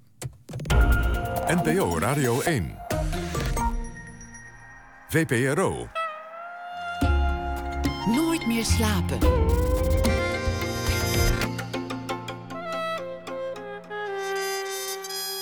Met Pieter van der Wielen. U luistert naar Nooit meer slapen. We beginnen dit uur met Franka Treur. Haar naam werd net al uh, genoemd. Dorsvloer vol confetti was haar uh, succesvolle debuut uit 2009. Inmiddels verfilmd en te zien in uh, zo'n beetje alle bioscopen. Begin dit jaar verscheen haar tweede boek, De Woongroep. En op dit moment is ze in Amerika, in Iowa... waar ze deelneemt aan een writing program... van de plaatselijke universiteit van Iowa. Goedenacht, Franka. Hoi. Ja, we Heb je het over me gehad? Hoor ik ja, we zaten over je te roddelen op de radio. Oh. Ja, met uh, Joost de Vries, die was hier. Die uh, schrijft voor uh, De Groene over literatuur. En ja, die had nee, het, ik ken hem. Ja, en die had het over um, de lethargie van de, de, jonge generatie schrijvers. Dat die altijd personages hebben die niks willen. En in jouw boek komt ook een personage voor die, die, nou ja, die wil eigenlijk wel van alles, maar niks lukt. Dat is misschien meer het verhaal. Nou ja, daar hadden we het dus over. Dat van alles, ja. Oh Hoeveel- jeetje. Ja, Dus, dus- iedereen, heeft, iedereen heeft het gehoord, behalve ik. ja dat het waren allemaal hele aardige dingen die hij over je zei. Mooi. hey, ehm, waar gaan we het over hebben? Wat was het voor dag vandaag? Ja, ehm, ik dacht, ehm, de politiek hier. Er komen verkiezingen aan op 4 november. En het is nu 16 oktober, dus we hebben nog even. Maar er zijn alweer schandaaltjes en ik dacht, dat is misschien wel leuk om, eh, om het over te hebben. Schandalen zijn De- altijd leuk. Ja, dat dacht ik ook. Het gaat deze keer over een democratische governor van Oregon. Die, eh, die, wil, die gaat op voor de vierde termijn. Er zijn verkiezingen in, de, in 36 staten op 4 november. Er zijn allerlei soorten verkiezingen, heel ingewikkeld. Maar in elk geval ook in Oregon is ook een eh, verkiezing. En eh, hij wilde voor de vierde termijn gaan, maar zijn verloofde, die, met wie hij al tien jaar is, maar ze zijn niet getrouwd, die blijkt het een en ander in, het, in haar verleden te hebben gedaan. En dat komt uit, ik denk, omdat het best wel opvallend is dat zij eh, adviseert voor hem. En omdat ze niet getrouwd zijn. En ze zijn volgens mij niet voor niks niet getrouwd, want dan, krijg je al, dan heb je te maken met allerlei onderzoeken als je dan eh, En dan doen ze onderzoek naar je achtergrond als je trouwt met een, een eh, governor. Ofwel als je, als je zo dicht bij de macht zit. En, Het gaat over zijn verloofde. Nou ja, oké. Ja. Wat is het schandaal? Nou, ehm, in, eerste instantie kwam dit verhaal naar buiten dat zij op haar 30, nee, ik ben even vergeten hoe oud ze was, in, ergens in de 20, in de, in de twenties, dat ze, dat ze getrouwd is geweest met een eh, Ethiopiër, een jongen van 18, en dat was zodat hij dan een green card kreeg. Een schijnhuwelijk. En zij, ja, en zij kreeg daar 5000 dollar voor, waarvoor ze een laptop kon kopen. Oké. Dat vond ik een mooi detail. En ehm, dus dat was het eerste verhaal wat naar voren kwam. Nou, toen eh, kwam er een persconferentie, eh, tranen en eh, alles. En dat was een grote misstap. Maar toen kwam meteen ook het volgende schandaal boven... dat ze met een andere jongen ooit van plan is geweest om een eh marihuana-plantage te beginnen. Dat is die is er uiteindelijk niet van gekomen, maar die plannen waren er en er zijn bewijzen voor. Maar ik denk dat vooral het belangrijkste is dat ze de regering adviseert, en vooral op, op het punt van groene energie. Ze zijn geloof ik daar best wel vooruitstrevend in Oregon, ook qua ehm, abortuswetgeving enzovoort. En ook eh, groene energie, daar, daar adviseert zij voor, maar er, zijn allerlei belangenverstrengelingen. En ik denk, ja, dat, daar is wel iets aan de hand. Het zit, het zit vrij ingewikkeld. Maar, Oké. ehm, het Maar goed, het- allemaal naar boven. Ja. De, de gierput is open en dan gaan de journalisten graven en dan eh, komt het ene feitje naar het ander. Een schijnhuwelijk van je verloofde met een Ethiopiër in ruil voor een laptop, dat is natuurlijk, eh, dat is Ja. natuurlijk mooi. Dat is gewoon een goed ja, dat verhaal. sprak tot de verbeelding. Daar heb ik inderdaad eh, mijn verhaal over gedaan. Dat, dat huwelijk is het mooiste. En ik heb dan eh, een verhaal geschreven over dat ze... de- net een, de, de nacht voor de persconferentie. Dus de volgende dag moeten ze een persconferentie geven. Ik ben benieuwd, laten horen. Sylvia kijkt opzij, naar het laken dat langzaam op en neer beweegt. John slaapt als een baby. Zij zou het ook moeten doen. Morgen wordt een rotdag, zoals ook vandaag een rotdag was. En ze moet er ernstig rekening mee houden dat er nog een stuk of wat rotdagen zullen volgen. Zal die journalist het hierbij laten? Zo is het leven niet bedoeld, zei John. Ze was hem ernstig tegengevallen. Dat de kwestie verjaard was, maakte voor hem geen verschil. Voor haar anders wel. Hij moest eens weten hoe bang ze was dat het eerder uit zou komen. Ze wist hoe het zou gaan, dat kan je op internet vinden. Als ze denken dat je bent getrouwd om de green card, ondervragen ze je apart van elkaar. Ze kijken of je dan hetzelfde zegt. Ze vragen je wat voor drankjes schonk op je bruiloft, tot hoe laat de gasten bleven, welke kleur de gordijnen hebben in je slaapkamer, wie de garageopener in zijn auto heeft, wat je partner als ontbijt neemt, wie aan welke kant van het bed slaapt en dan nog honderd van die dingen. Ze zag er het verkeerde niet zo van in. Dat zei ze vandaag ook. Dat ze er toch allebei beter van werden. Zij kreeg het geld, hij de kaart. Die Ethiopiër heeft nu een goede baan. Hij betaalt een hoop belasting. Waar was een huwelijk anders voor dan om voordelen te combineren? Voor het eerst in de tien jaar dat ze hem kende had haar vriend zijn stem verheven. Je zou het zelfs schreeuwen kunnen noemen. Het is verdomme illegaal, schreeuwde hij. Voortaan zeg je nee als die Ethiopiër je wat, van, wat, je wat vraagt. Abraham had ze gezegd, heeft een naam. Abraham. Abraham, Isaac, Jacob, whatever. Het was illegaal. Legaal, illegaal, had ze rustigjes geantwoord. Alsof de wet weet wat goed is en wat niet.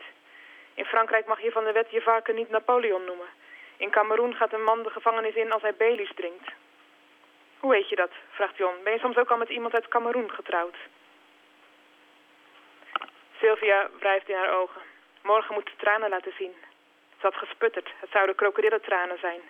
Maar John denkt dat ze zijn hachje redden. Oké, had ze gezegd. Geef me een miljoen en ik geef de mensen tranen. John had de cheque getekend. Wat kon hij anders? Tot zover. Een eh, mooi schandaal in Iowa. Ze hebben in Amerika altijd veel mooiere schandalen dan hier. Iemand die eh, tegen seks voor het huwelijk is en dan zelf wel enorm veel affaires blijkt te hebben. Of, eh, of iemand die preekt dat hij tegen drugs is, die dan met, met heroïne in zijn zak wordt aangetroffen. De betere schandalen hebben ze toch in de Amerikaanse politiek. Nou, wij hadden Samson die zijn familie inzette met de verkiezingen en toen zelf ging scheiden. Ja, noem je dat een schandaal? Kom nou toch. Ja, ik weet het eigenlijk ook niet. Nee joh, dat is, dat is, dat is een kleuterschandaaltje vergeleken met die echt goede Amerikaanse dingen van iemand die stiekem berichten van zichzelf in een onderbroek naar minderjarige vrouwen stuurt terwijl die tegen seks voor het huwelijk is. Ja, nee, je hebt helemaal gelijk. Het is hier allemaal beter en groter. het is daar beter, groter. leuker. Ja. Franka, heel veel eh, dank en heel veel eh, succes nog in Iowa en een goede nacht. En eh, morgen graag weer een verhaal. Dankjewel. Jij ook succes. Ja, dag. Maggie Björklund komt uit Denemarken, speelt pedal steel guitar. Deed ze onder andere bij Jack White. Heeft ook een eigen album gemaakt, Shaken. Het nummer dat we draaien heet Walking.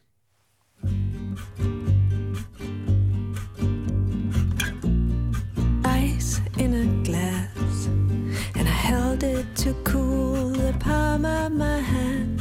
Heat was rising burning the soles of my feet. The music so slow and it begged me to move. I was ready to fall, dancing.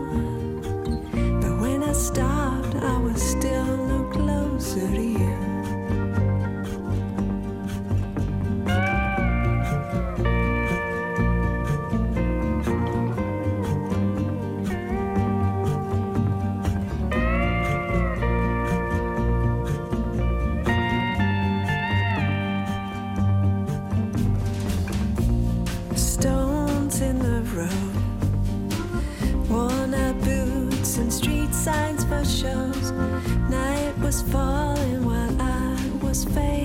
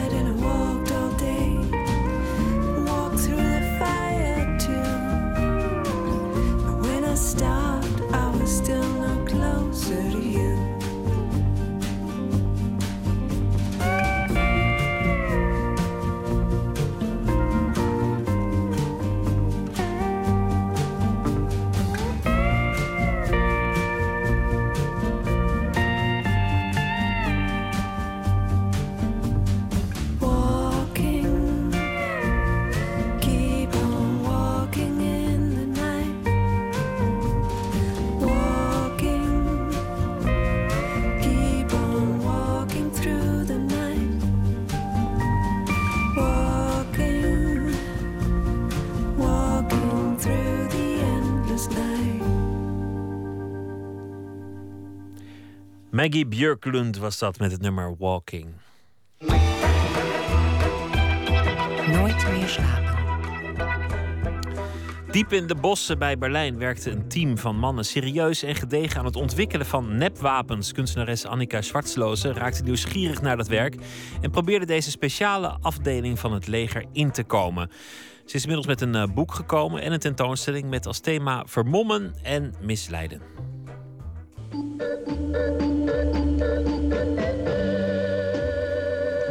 Sprung in den Winter. Schnee und Eis stellen an den Soldaten besondere Anforderungen.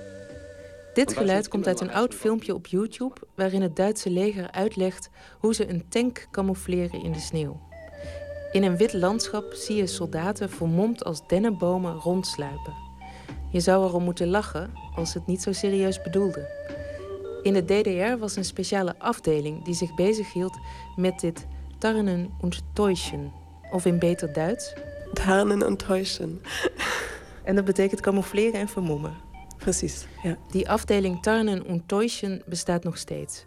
Annika Schwartzloze, geboren in 1982 in de DDR, is kunstenaar en gefascineerd door wapens, speelgoed en nepwapens.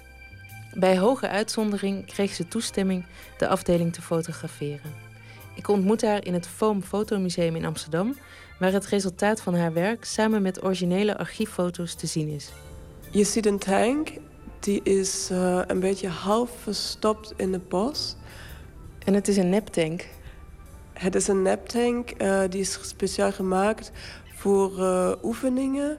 En het wordt vaak gedaan om budget te besparen. Omdat als je niet budget hebt voor het echte spul...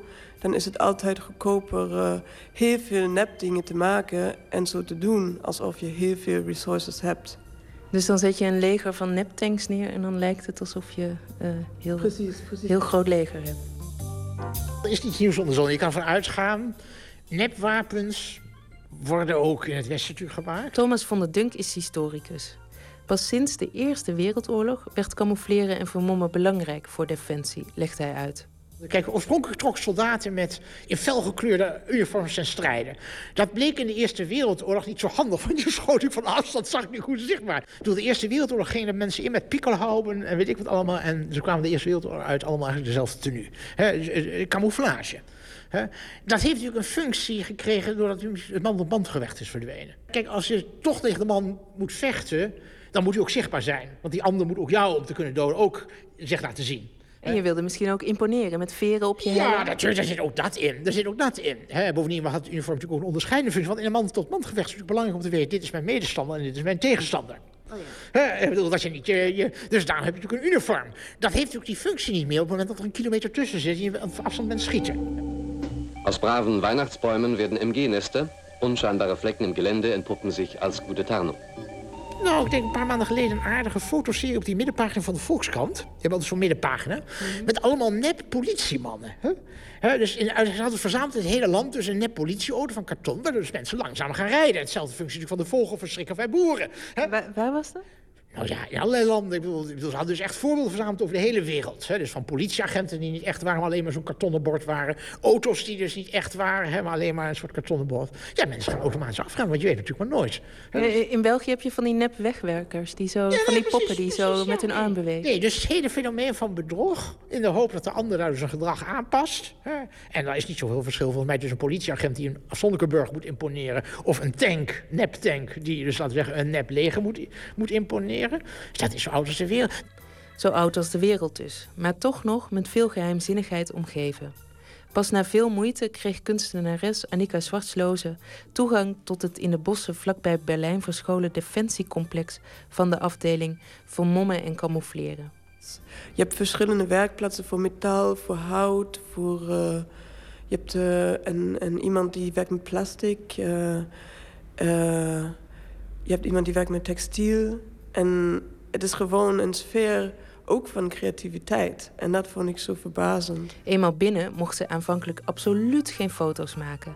En werd ze met argusogen bekeken. Ze, ze vonden het eigenlijk heel raar met een kunstenaar te praten. Ze snapten niet precies hoezo, waar de interesse vandaan komt. En voor mij was het natuurlijk ook heel exotisch en raar. Omdat uh, je komt niet elke dag uh, bij het leger terecht.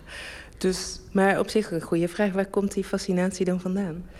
Het, het lijkt eigenlijk precies het andere extreem te zijn. Als een kunstenaar ben je eigenlijk uh, nooit met uh, militaire onderwerpen... of dat soort van, uh, in quotation mark, serieuze dingen bezig. Het heeft altijd is een, een beroep die altijd veel met fantasie en, en creativiteit... en positieve, mooie dingen heeft te maken. En dan lijkt me dat leger eigenlijk... Uh, ja, precies die andere kant of zoiets. Ja, zij, zij doen een destructie en jullie een constructie. Of kunstenaars maken iets, creëren iets. En zij proberen uiteindelijk misschien iets te verwoesten. Is dat wat je bedoelt? Precies, in deze samenhang vond ik het zo confronterend om eigenlijk... Uh, te zien hoe mijn eigen werk, qua materiaal wat ik gebruik en zelfs uh, qua esthetieke beslissingen, op die spullen lijkt die daar geproduceerd worden. Das gilt auch für Fahrzeuge.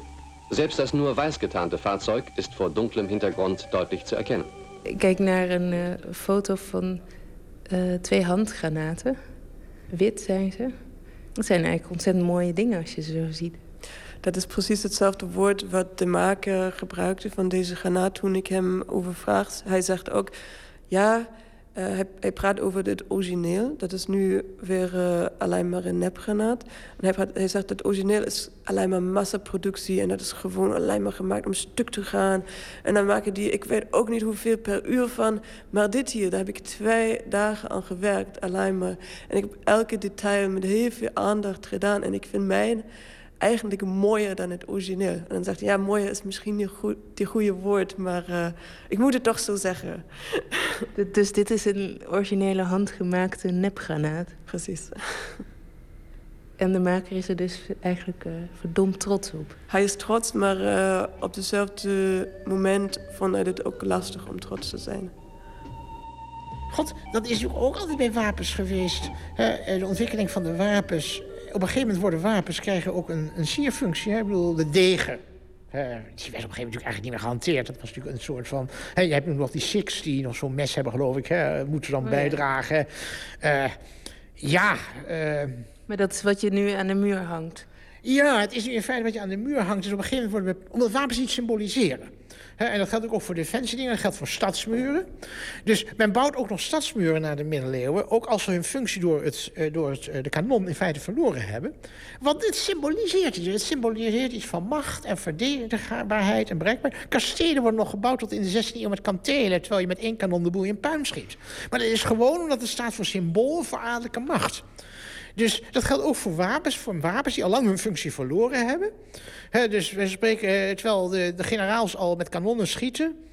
uh, hebben ze nog altijd een degen als teken van... Uh, als symboliek van, van ja, dat ze, iets, dat ze een bepaalde stand en standing hebben. Mensen vergeten dat vaak, maar ook wapens...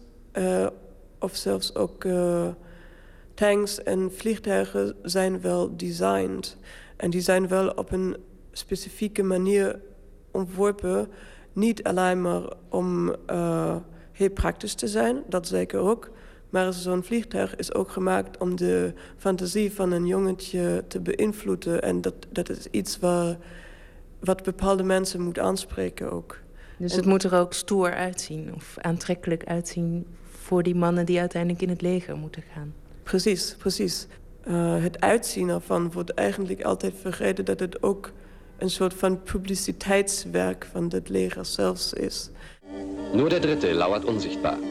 Richtig getan. Toen ik voor het eerst hoorde over die nepwapens, ja. uh, toen werd ik daar een beetje lacherig van. Ja, dat had ik niet, nee. Omdat ik zeg, ja, een deel van, een deel van politiek... is ook van defensie, is ook politiek. Een deel van politiek is altijd ook image. Nou, het is wel ook grappig, zeker. ik bedoel, je kan het niet uh, negeren dat... Uh, het is gewoon super absurd om, om uh, een één-to-één model van een tank als een opblaspul te zien. Dat ziet er gewoon heel belachelijk uit. Zeker. Oké, dus jij, jij kan ook om lachen?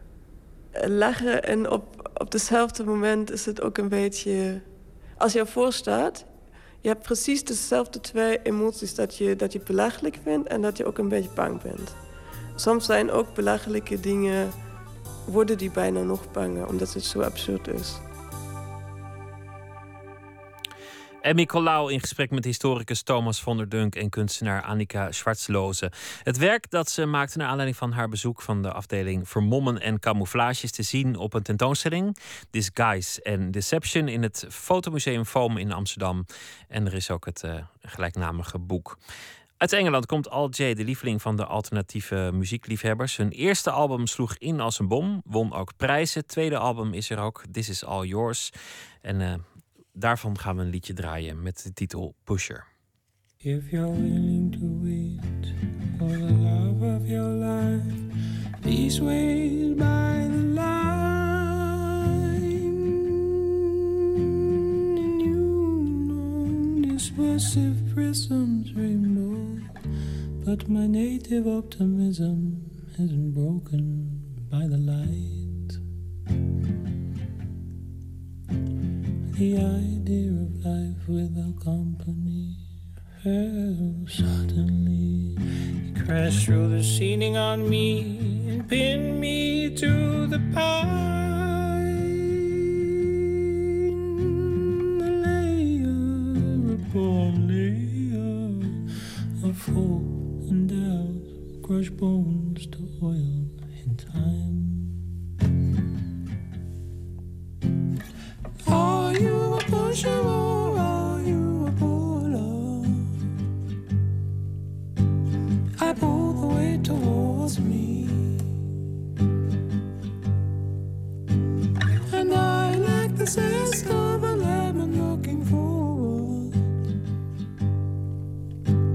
Unless I have a woman pushing me. Canopy of red milkweed passed over the blue. A five hour flock, not one dive down to tell you the truth. As night falls, Aquilia crows and whispers on his last So abundant are we left alone, I shall be, but the waiting phone never ring.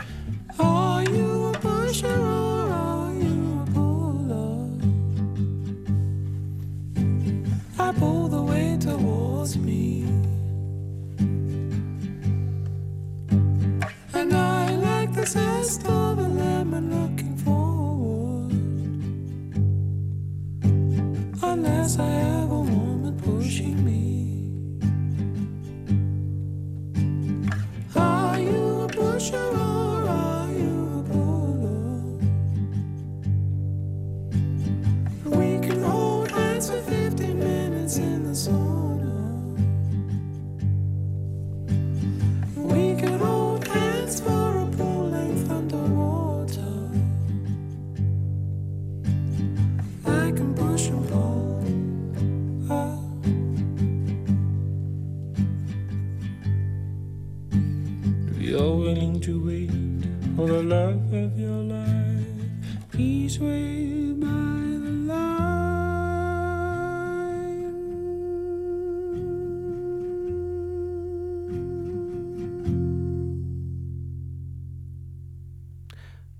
Alt J met het nummer Pusher. Nooit meer slapen. Schrijver, dichter en tv-hoofd Bart Chabot is vereeuwigd in een 3D-kop. Afgelopen dinsdag is zijn hoofd gescand en binnenkort wordt hij 3D geprint. Het beeld van Chabot is daarna te zien tijdens een expositie in het Museum voor Communicatie te Den Haag in een overzichtstentoonstelling over de mogelijkheden van het 3D-printen. Waarom Chabot en waarom 3D? Botte Jellema, nachtcorrespondent. Goeienacht. Goeienacht. Ja, waarom? ja, het is gedaan ter ere van zijn eh, van Chabots 60ste verjaardag. Vorige maand is hij 60 geworden. En het eh, Haagse Museum, dat Museum voor Communicatie, dat eh, eert de stadsgenoten in hun expositie over 3D-printing dus. Ehm, ik heb hem er vanmiddag even over gebeld. Hij was er meteen voor in, zei hij. Daarvan sprak me onmiddellijk aan. En eh, eh, wat me ook nog aansprak was natuurlijk het, eh, het Frankenstein-element. Dus het doet toch een beetje denken aan, aan zo'n wetenschapper die een, een, een mens creëert. die opeens zijn eigen leven gaat leiden. En, en nou ben ik natuurlijk niet onbeheersbaar, want ik ben, blijf gewoon 3D-print. Dus ik ga geen rare dingen doen. Maar het is toch wel een grappig idee. Dat, ik heb ook thuis gezegd, van de week toen ik thuis kwam. Nou jongens, Papa is eh, dadelijk eh, in 3D-print beluisteren en of te bezien, liever gezegd. En de kinderen knikken daar heel instemmend bij. Ja, die vonden het ook inderdaad. Zo'n 3D-versie niks terug zegt voor ons ook misschien wat te prefereren boven de echte. Al dus, eh, Bart Chabot, je hoort het vaker, hè? de 3D-revolutie komt eraan. De gevolgen daarvan die, die zullen volgens sommigen nog groter zijn dan die van nou ja, de industriële revolutie of de komst van het weefgetouw. Hoe werkt het? Wat is het? Wat, wat is een 3D-print en een 3D-scan?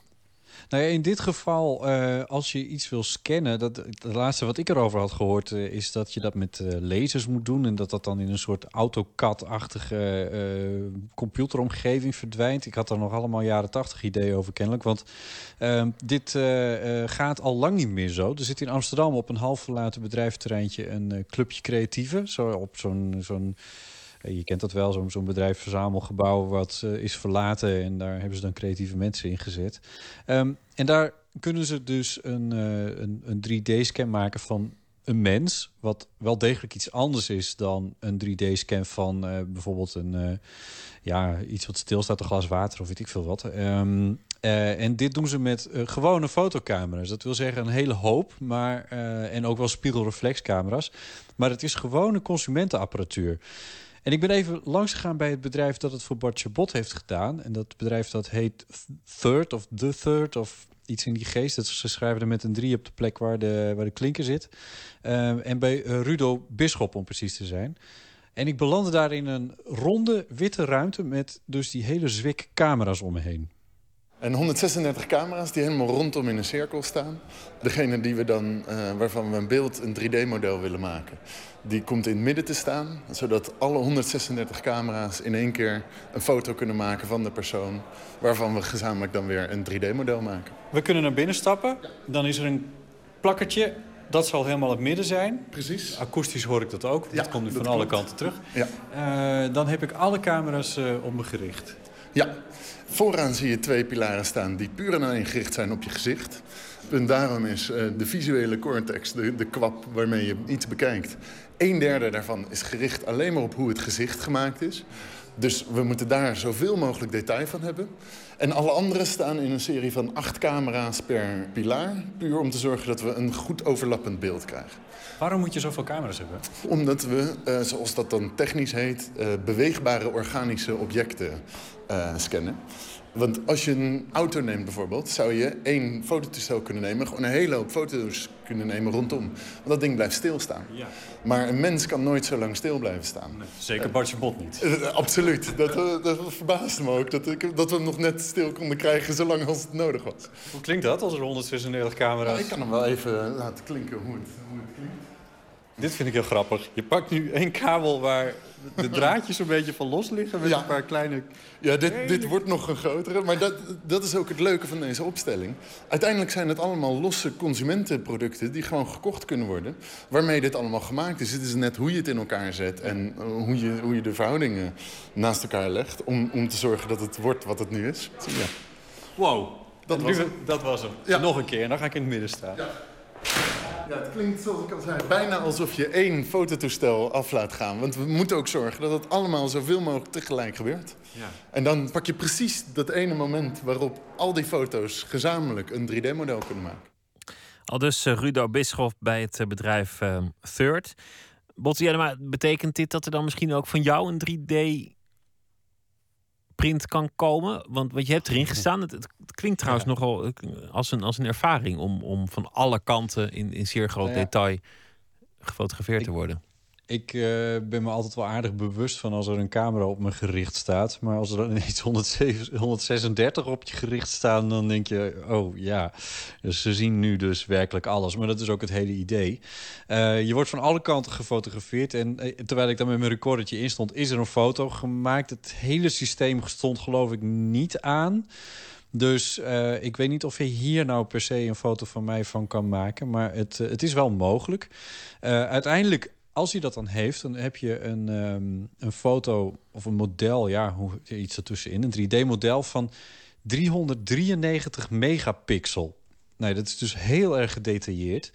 En hij liet mij eventjes een model zien wat al door de computer was uitgerekend, waarin je dus inderdaad in 3D zo ver op iemand kan inzoomen dat je ja, zo'n beetje de textuur van een spijkerbroek niet alleen terugziet, maar ook die, die, die golvingen daarin zo ongeveer in zitten. Het is heel indrukwekkend.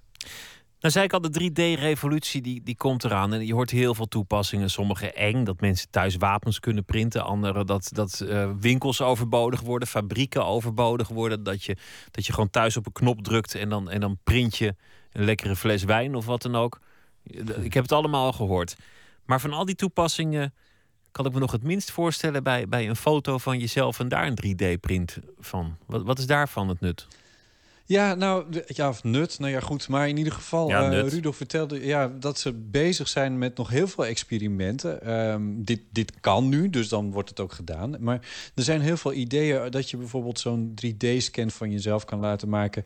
En die dan kan invoeren in eh, games als eh, Avatar. Dus als je dus met zo'n poppetje een voetbalspelletje aan het spelen bent, dat je dan niet een willekeurig poppetje eh, hebt, maar dat je echt als jezelf kan spelen. En dan moet je één keer in die camera's gaan staan en dan wordt die foto van je gemaakt en dan laat je dat in een computer of zo of in een game. Dat, dat, nou ja, voor zover dat nut heeft, dat is dan het nut. Techniek is nog wel een beetje ehm, nukkig. Want eh Bart Chabot die vertelde bijvoorbeeld dat hij eh, zijn bril af moest zetten. Eh, en dat ze die apart moesten inscannen. Omdat anders je ogen er echt heel raar vertekend uit gaan zien door het glas. Bart Chabot eh, en, en scanners, daar, daar kreeg ik ook een beetje andere associaties mee. Omdat hij natuurlijk eh, een paar jaar geleden eh, kanker heeft gehad. Daar heeft hij ook interviews over gegeven. Had hij nog wel zin om in een scanner te stappen? Want de associaties lijken me niet zo vrolijk. Nee, daar, moest hij zelf ook eventjes over nadenken, zei hij. En niet in de laatste plaats omdat hij juist deze maand weer een controle had. En dan heb je het over een scan, eh, eh, zoals mensen dat wel kennen, zo'n M3-scan. Dus je gaat een soort van torpedo in. En dat duurt ongeveer 20 minuten. En dan wordt er via straling wordt er een, worden er eh, opnames gemaakt van de binnenkant van je hoofd. En dan kunnen ze aan de hand daarvan zien of de tumor bij mij nog steeds stabiel is. Of hij misschien iets kleiner geworden is, of dat hij groter geworden is. In dat laatste geval ben ik natuurlijk zwaar de lul. Dus het, het, woord scan heeft mij niet louter plezierige associaties. Ja, het, is, nou weet je, het, is, het klinkt heel gek eh, eh, om dat te zeggen misschien. Kijk, die, die, toen ik werd behandeld, eh, dus als nu dus exact deze maand vier jaar geleden bestraling kreeg. Toen werd ik in het begin heel erg eh, goed in de gaten gehouden. Ja, nog steeds trouwens, maar in het begin heel veel in de gaten gehouden. Omdat je natuurlijk nooit helemaal weet ja, hoe die tumor erop gaat reageren. Dus ik werd om de drie maanden, en soms zelfs eerder als ik heel veel last had, dat ik eh, ging naar Tilburg toe voor een nieuwe scan. Zo'n scan wordt dan bijna een routinezaak. Ja, het klinkt raar, hè, want het is natuurlijk, ik bedoel, het blijft toch, blijft toch wel iets. Je gaat daar als het ware, ja, je wordt een prof in die dingen. Je wordt zo'n routinier. Nee, Bart vertelde dat hij inmiddels zelf wel een klein beetje aanvoelt of het goed zit of niet. Ehm, en nu voelt hij dat het wel oké zit. Dus hij gaat meer ontspannen naar die controle toe. De laatste jaren, zo vertelde hij mij, was er een kleine krimp van die tumor bij hem te zien. Dus hij zei dat het hem niet zou verbazen als het niet goed gaat. Dus nou ja, dat is. eh, ik bedoel dus, dat, hij zei dat het hem zou verbazen als het niet goed gaat. Gelukkig maar, Eh, ja. Het is goed nieuws. Dat, Dus is, hij, eh, hij is dat is goed nieuws. positief gestemd en optimistisch. En vanaf 4 november in 3D geprint te zien in een museum. Nou ja, is toch inderdaad eervol. Het Museum voor Communicatie in Den Haag. Bij een tentoonstelling over de impact van 3D-printen op onze levens. En als die klaar is, komt die permanent in de collectie van het Letterkundig Museum. Botte Jellema, dankjewel. En, eh, Graag gedaan. we gaan luisteren naar Jose James. Aanstaande maandag en dinsdag in Utrecht en Amsterdam concerten van de Amerikaanse jazz- en soulzanger. Zijn vierde album is uit, While You Were Sleeping. Het nummer draaien wij dat hij samen doet met Takuya Kuroda, Simply Beautiful.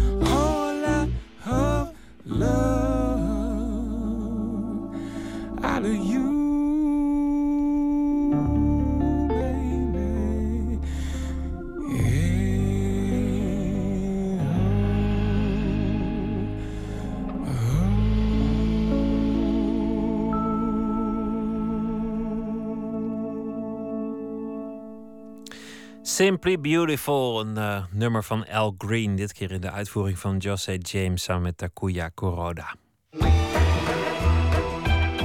Nooit meer slapen. Gisteravond op het Amsterdam Dance Event werd een selectie vertoond uit de documentaire I Dream of Wires over de modulaire synthesizers. Een apparaat dat nog stamt uit de jaren 60, waarmee je analoog elektronisch geluid kan opwekken en bewerken. Razend populair was die niet alleen bij geluidskunstenaars, maar de laatste jaren ook steeds meer bij muzikanten en producers. Je treft hem soms aan op onvermoede plekken, ondervond ook onze verslaggever Jan-Paul de Bond.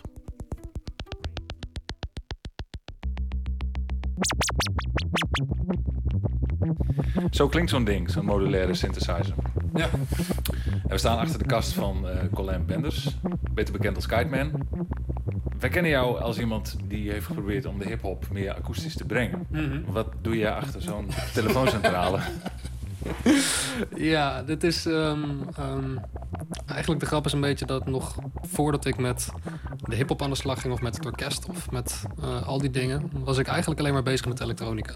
En het waren vaak hele vage, wazige beats en dingen die ik eigenlijk nooit aan iemand durfde te laten horen. Maar dat is wel waar ik ben begonnen met produceren. En voor, voor mij nu, hoe het een beetje is, is dat ik heb twee kanten van muziek waar ik vooral mee bezig ben. De ene helft is wat er naar buiten gaat. En dat is vooral met de Kiteman projecten. En om dat uit te balanceren voor mezelf ben ik altijd doorgegaan met die eh, elektronica. Waarbij ik eigenlijk met meer een soort verstand op nul en lekker wegspacen met knopjes eh, bezig kan zijn. Alleen dat is een kant die ik eigenlijk nog nooit de ambitie mee heb gehad om daar publiek iets mee te doen. Dat is eigenlijk ook waar een beetje de liefde voor dit apparaat uit is geboren. Ja, dat wil ik vragen, want als je daar dan graag, al is het maar voor jezelf, eh, heel veel mee friekt, waarom is dit dan het ideale apparaat? Nou, wat de grap is, ehm, dit systeem, of het modulair systeem, ehm, dat is eigenlijk eindeloos. Er is niet echt een. Nee, er is geen einde aan mogelijkheden van wat je met een modulair systeem kan. En hoe meer ik erin ging verdiepen, hoe meer ik achterkwam van ja, dat is het helemaal voor mij. Want het mooie van zo'n modulair systeem is dat je het helemaal in elkaar zet op basis van wat je zelf wil. Dus eh, geen twee modulaire eh, synthesizers zijn hetzelfde. En misschien moeten we het even een beetje proberen te beschrijven. Een, een synthesizer voor de meeste mensen is een soort eh, keyboard. Maar hier, ik zie hier bijvoorbeeld helemaal geen toetsenbord. We staan eigenlijk achter een soort telefooncentrale. Ja, zo zou je het het beste kunnen zien. Het is, ehm, dit is in feite waar synthesizers eh, een beetje zijn begonnen, ergens al in ja, lang, lang geleden. Het is een heel rek met allemaal kleine apparaatjes die erin zitten. En elk van die apparaatjes doet iets met eh, geluidsgolven. En de een die, die, die maakt de geluidsgolven, de andere die verandert ze, weer een ander die stopt ze, weer een ander die start ze. En ik zal even kijken waar het nu bezig is. Ehm, even zien.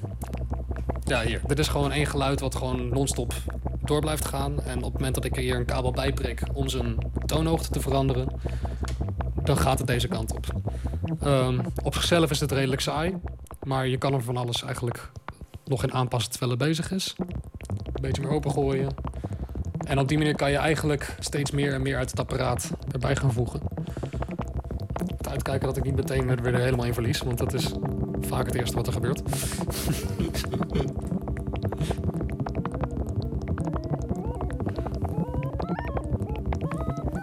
ja, op dit moment is het eigenlijk allemaal alleen maar chaos, maar het, ehm, eh, je moet je eigenlijk voorstellen een beetje de Clockwork Orange eh, eh, soundtrack en dat soort dingen. Die zijn allemaal met dit soort systemen gemaakt. Want dit is ontstaan ergens begin jaren 70? Ja, volgens mij nog wel zelfs ouder dan dat. Het, ehm, ik weet niet helemaal precies wanneer, maar het zijn wel Boegla en Bob Mook die tegelijkertijd... Twee Amerikanen. ja, dat zijn twee, twee Amerikanen die eigenlijk los van elkaar op dit principe uitkwamen. Waarbij in plaats van dat je eh, met een snaar of met lucht of met een fy- fysiek iets geluid maakte, dachten ze van ja, maar dat kan ook met elektronica. Gewoon heel simpel het bepaalde kortsluitingen geven al geluid op het moment dat je dat op je speakers hebt. En dat hebben zij in een muziekinstrument verbouwd. Volgens mij is, dit een van de geluiden geweest waarmee in één keer de hele katholieke kerk een hekel kreeg aan Bob Mook. Omdat ze dachten dat hij eh, op een of andere manier de poort van de hel had geopend. En dat kan ik me ergens ook wel voorstellen als je dit in één keer hoort nadat je tot die tijd alleen maar hout en blazers eh, eh, gewend bent. Wat betekenden die nieuwe mogelijkheden op dat moment voor de muziek die er toen gemaakt werd? het, ehm, ik, ik denk niet dat ze toen al helemaal door hadden wat een ontzettende impact het zou maken op hoe wij nu naar muziek luisteren. Want het is eigenlijk vanaf de invoer van die instrumenten. In eerste instantie was het al eh, een ding dat in plaats van dat je met 50 mensen bij elkaar moest zitten om één stuk muziek te spelen, eh, werd het in één keer nog veel meer mogelijk om dat eh, in, in kleinere formaties te doen, tot op in je eentje daar te gaan zitten en alles te laten spelen. Daarnaast, nou, vanaf eind jaren 70, eh, be- be- begin jaren 80, en op een gegeven moment was alles wat je hoorde was alleen nog maar elektronica. Iedereen zal waarschijnlijk wel de verschrikkelijk lelijke elektronische trompet- en saxofoongeluidjes nog wel kennen, wat in heel veel dingen voorbij is gekomen. Maar eigenlijk heeft het eigenhandig bijna alles veranderd voor in ieder geval het popcircuit. En nu intussen is het eigenlijk niet meer weg te denken.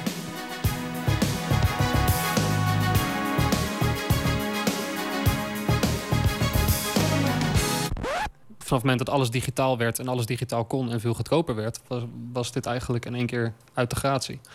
En dat heeft echt flink lang geduurd voordat eh, eh, mensen zich echt weer begonnen te beseffen: ja, maar wacht even, dat geluid van echte elektronica, dat is toch wel anders dan een soort digitale simulatie van geluid.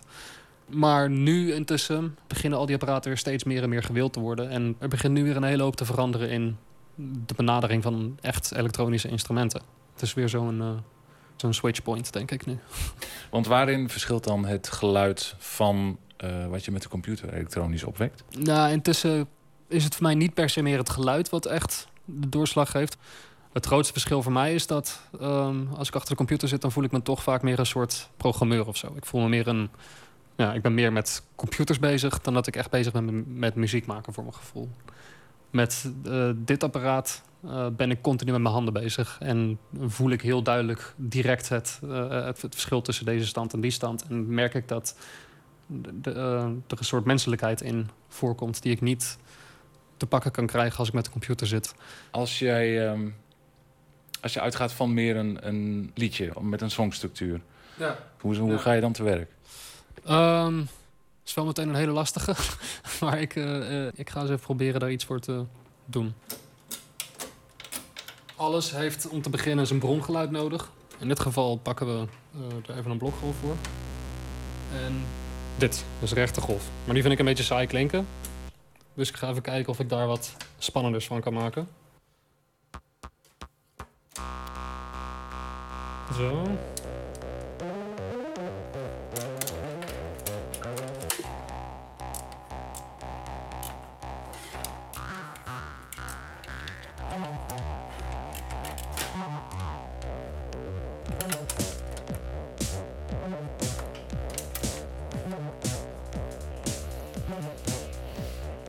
Inmiddels eh, wordt het weer een aardige spaghetti. Hoe verslavend is het? behoorlijk. Ehm, ik merk soms dat ik heel fanatiek begin aan het proberen te maken van een liedje met het apparaat. En dat ik binnen de kortste keren gewoon zes uur lang bezig ben met het perfecte proberen te maken van één geluidje.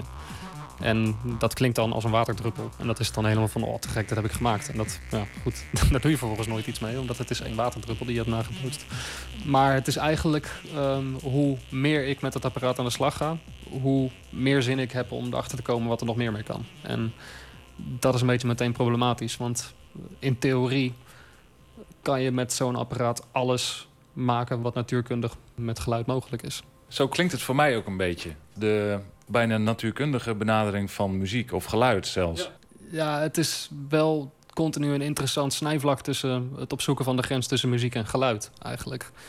En eigenlijk ben ik er voor mezelf achter gekomen dat hoe minder ik erover nadenk wat ik nou eigenlijk aan het doen ben met, met dat ding, hoe prettiger ik me erbij voel, omdat ik dan er gewoon in kan verdwijnen.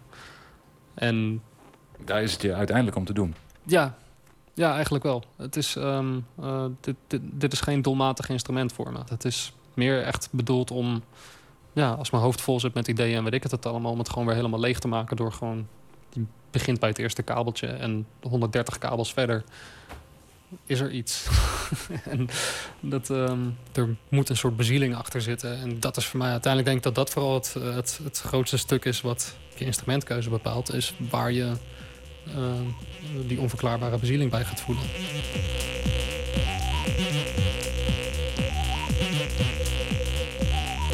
Tegenwoordig worden er ook hele avonden gehouden. Van die noodlebar feestjes Ja, heet dat. Ja. Eh, Ga je daar ook naartoe?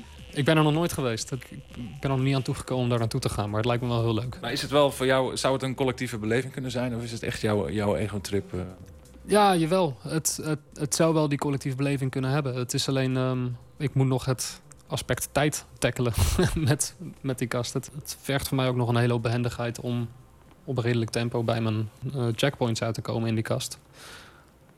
Maar ja, op den duur lijkt het me wel een heel leuk iets.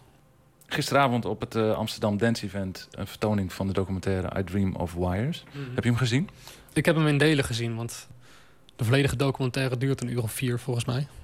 maar ik vind het heel tof hoe ze eigenlijk na vier uur tijd nog steeds niet de vinger erop hebben kunnen leggen wat het nou hetgene is waarom al die mensen die hiermee bezig zijn er zo verknocht aan raken. Het, het beste kan je het vergelijken met Dinky Toys verzamelen of zo. het, het, het, het, het, het- Want het is inderdaad een soort verzamelwoede. Je kan steeds weer apparaatjes erbij kopen. Is dat moeilijk om jezelf in te houden? Ja. Me ervan weerhouden om het uit te breiden, daar heb ik al lang opgegeven. dat, eh, dat ding blijft maar groeien. Colin Benders, ook wel bekend als Kite Man met zijn modulaire synthesizers. Voor wie zelf wel eens wat wil draaien aan dat soort knoppen. Zaterdagavond viert Noodlebar Nederland haar tweejarig bestaan in Roodkapje in Rotterdam. Een bijdrage van Jan-Paul de Bond. We gaan nog luisteren naar een eh, trio uit Londen. Daughter is eh, hun naam. Hun muziek is opvallend vaak gebruikt in televisieseries. U zou het kunnen herkennen van, eh, van alles. Het nummer heet Smother.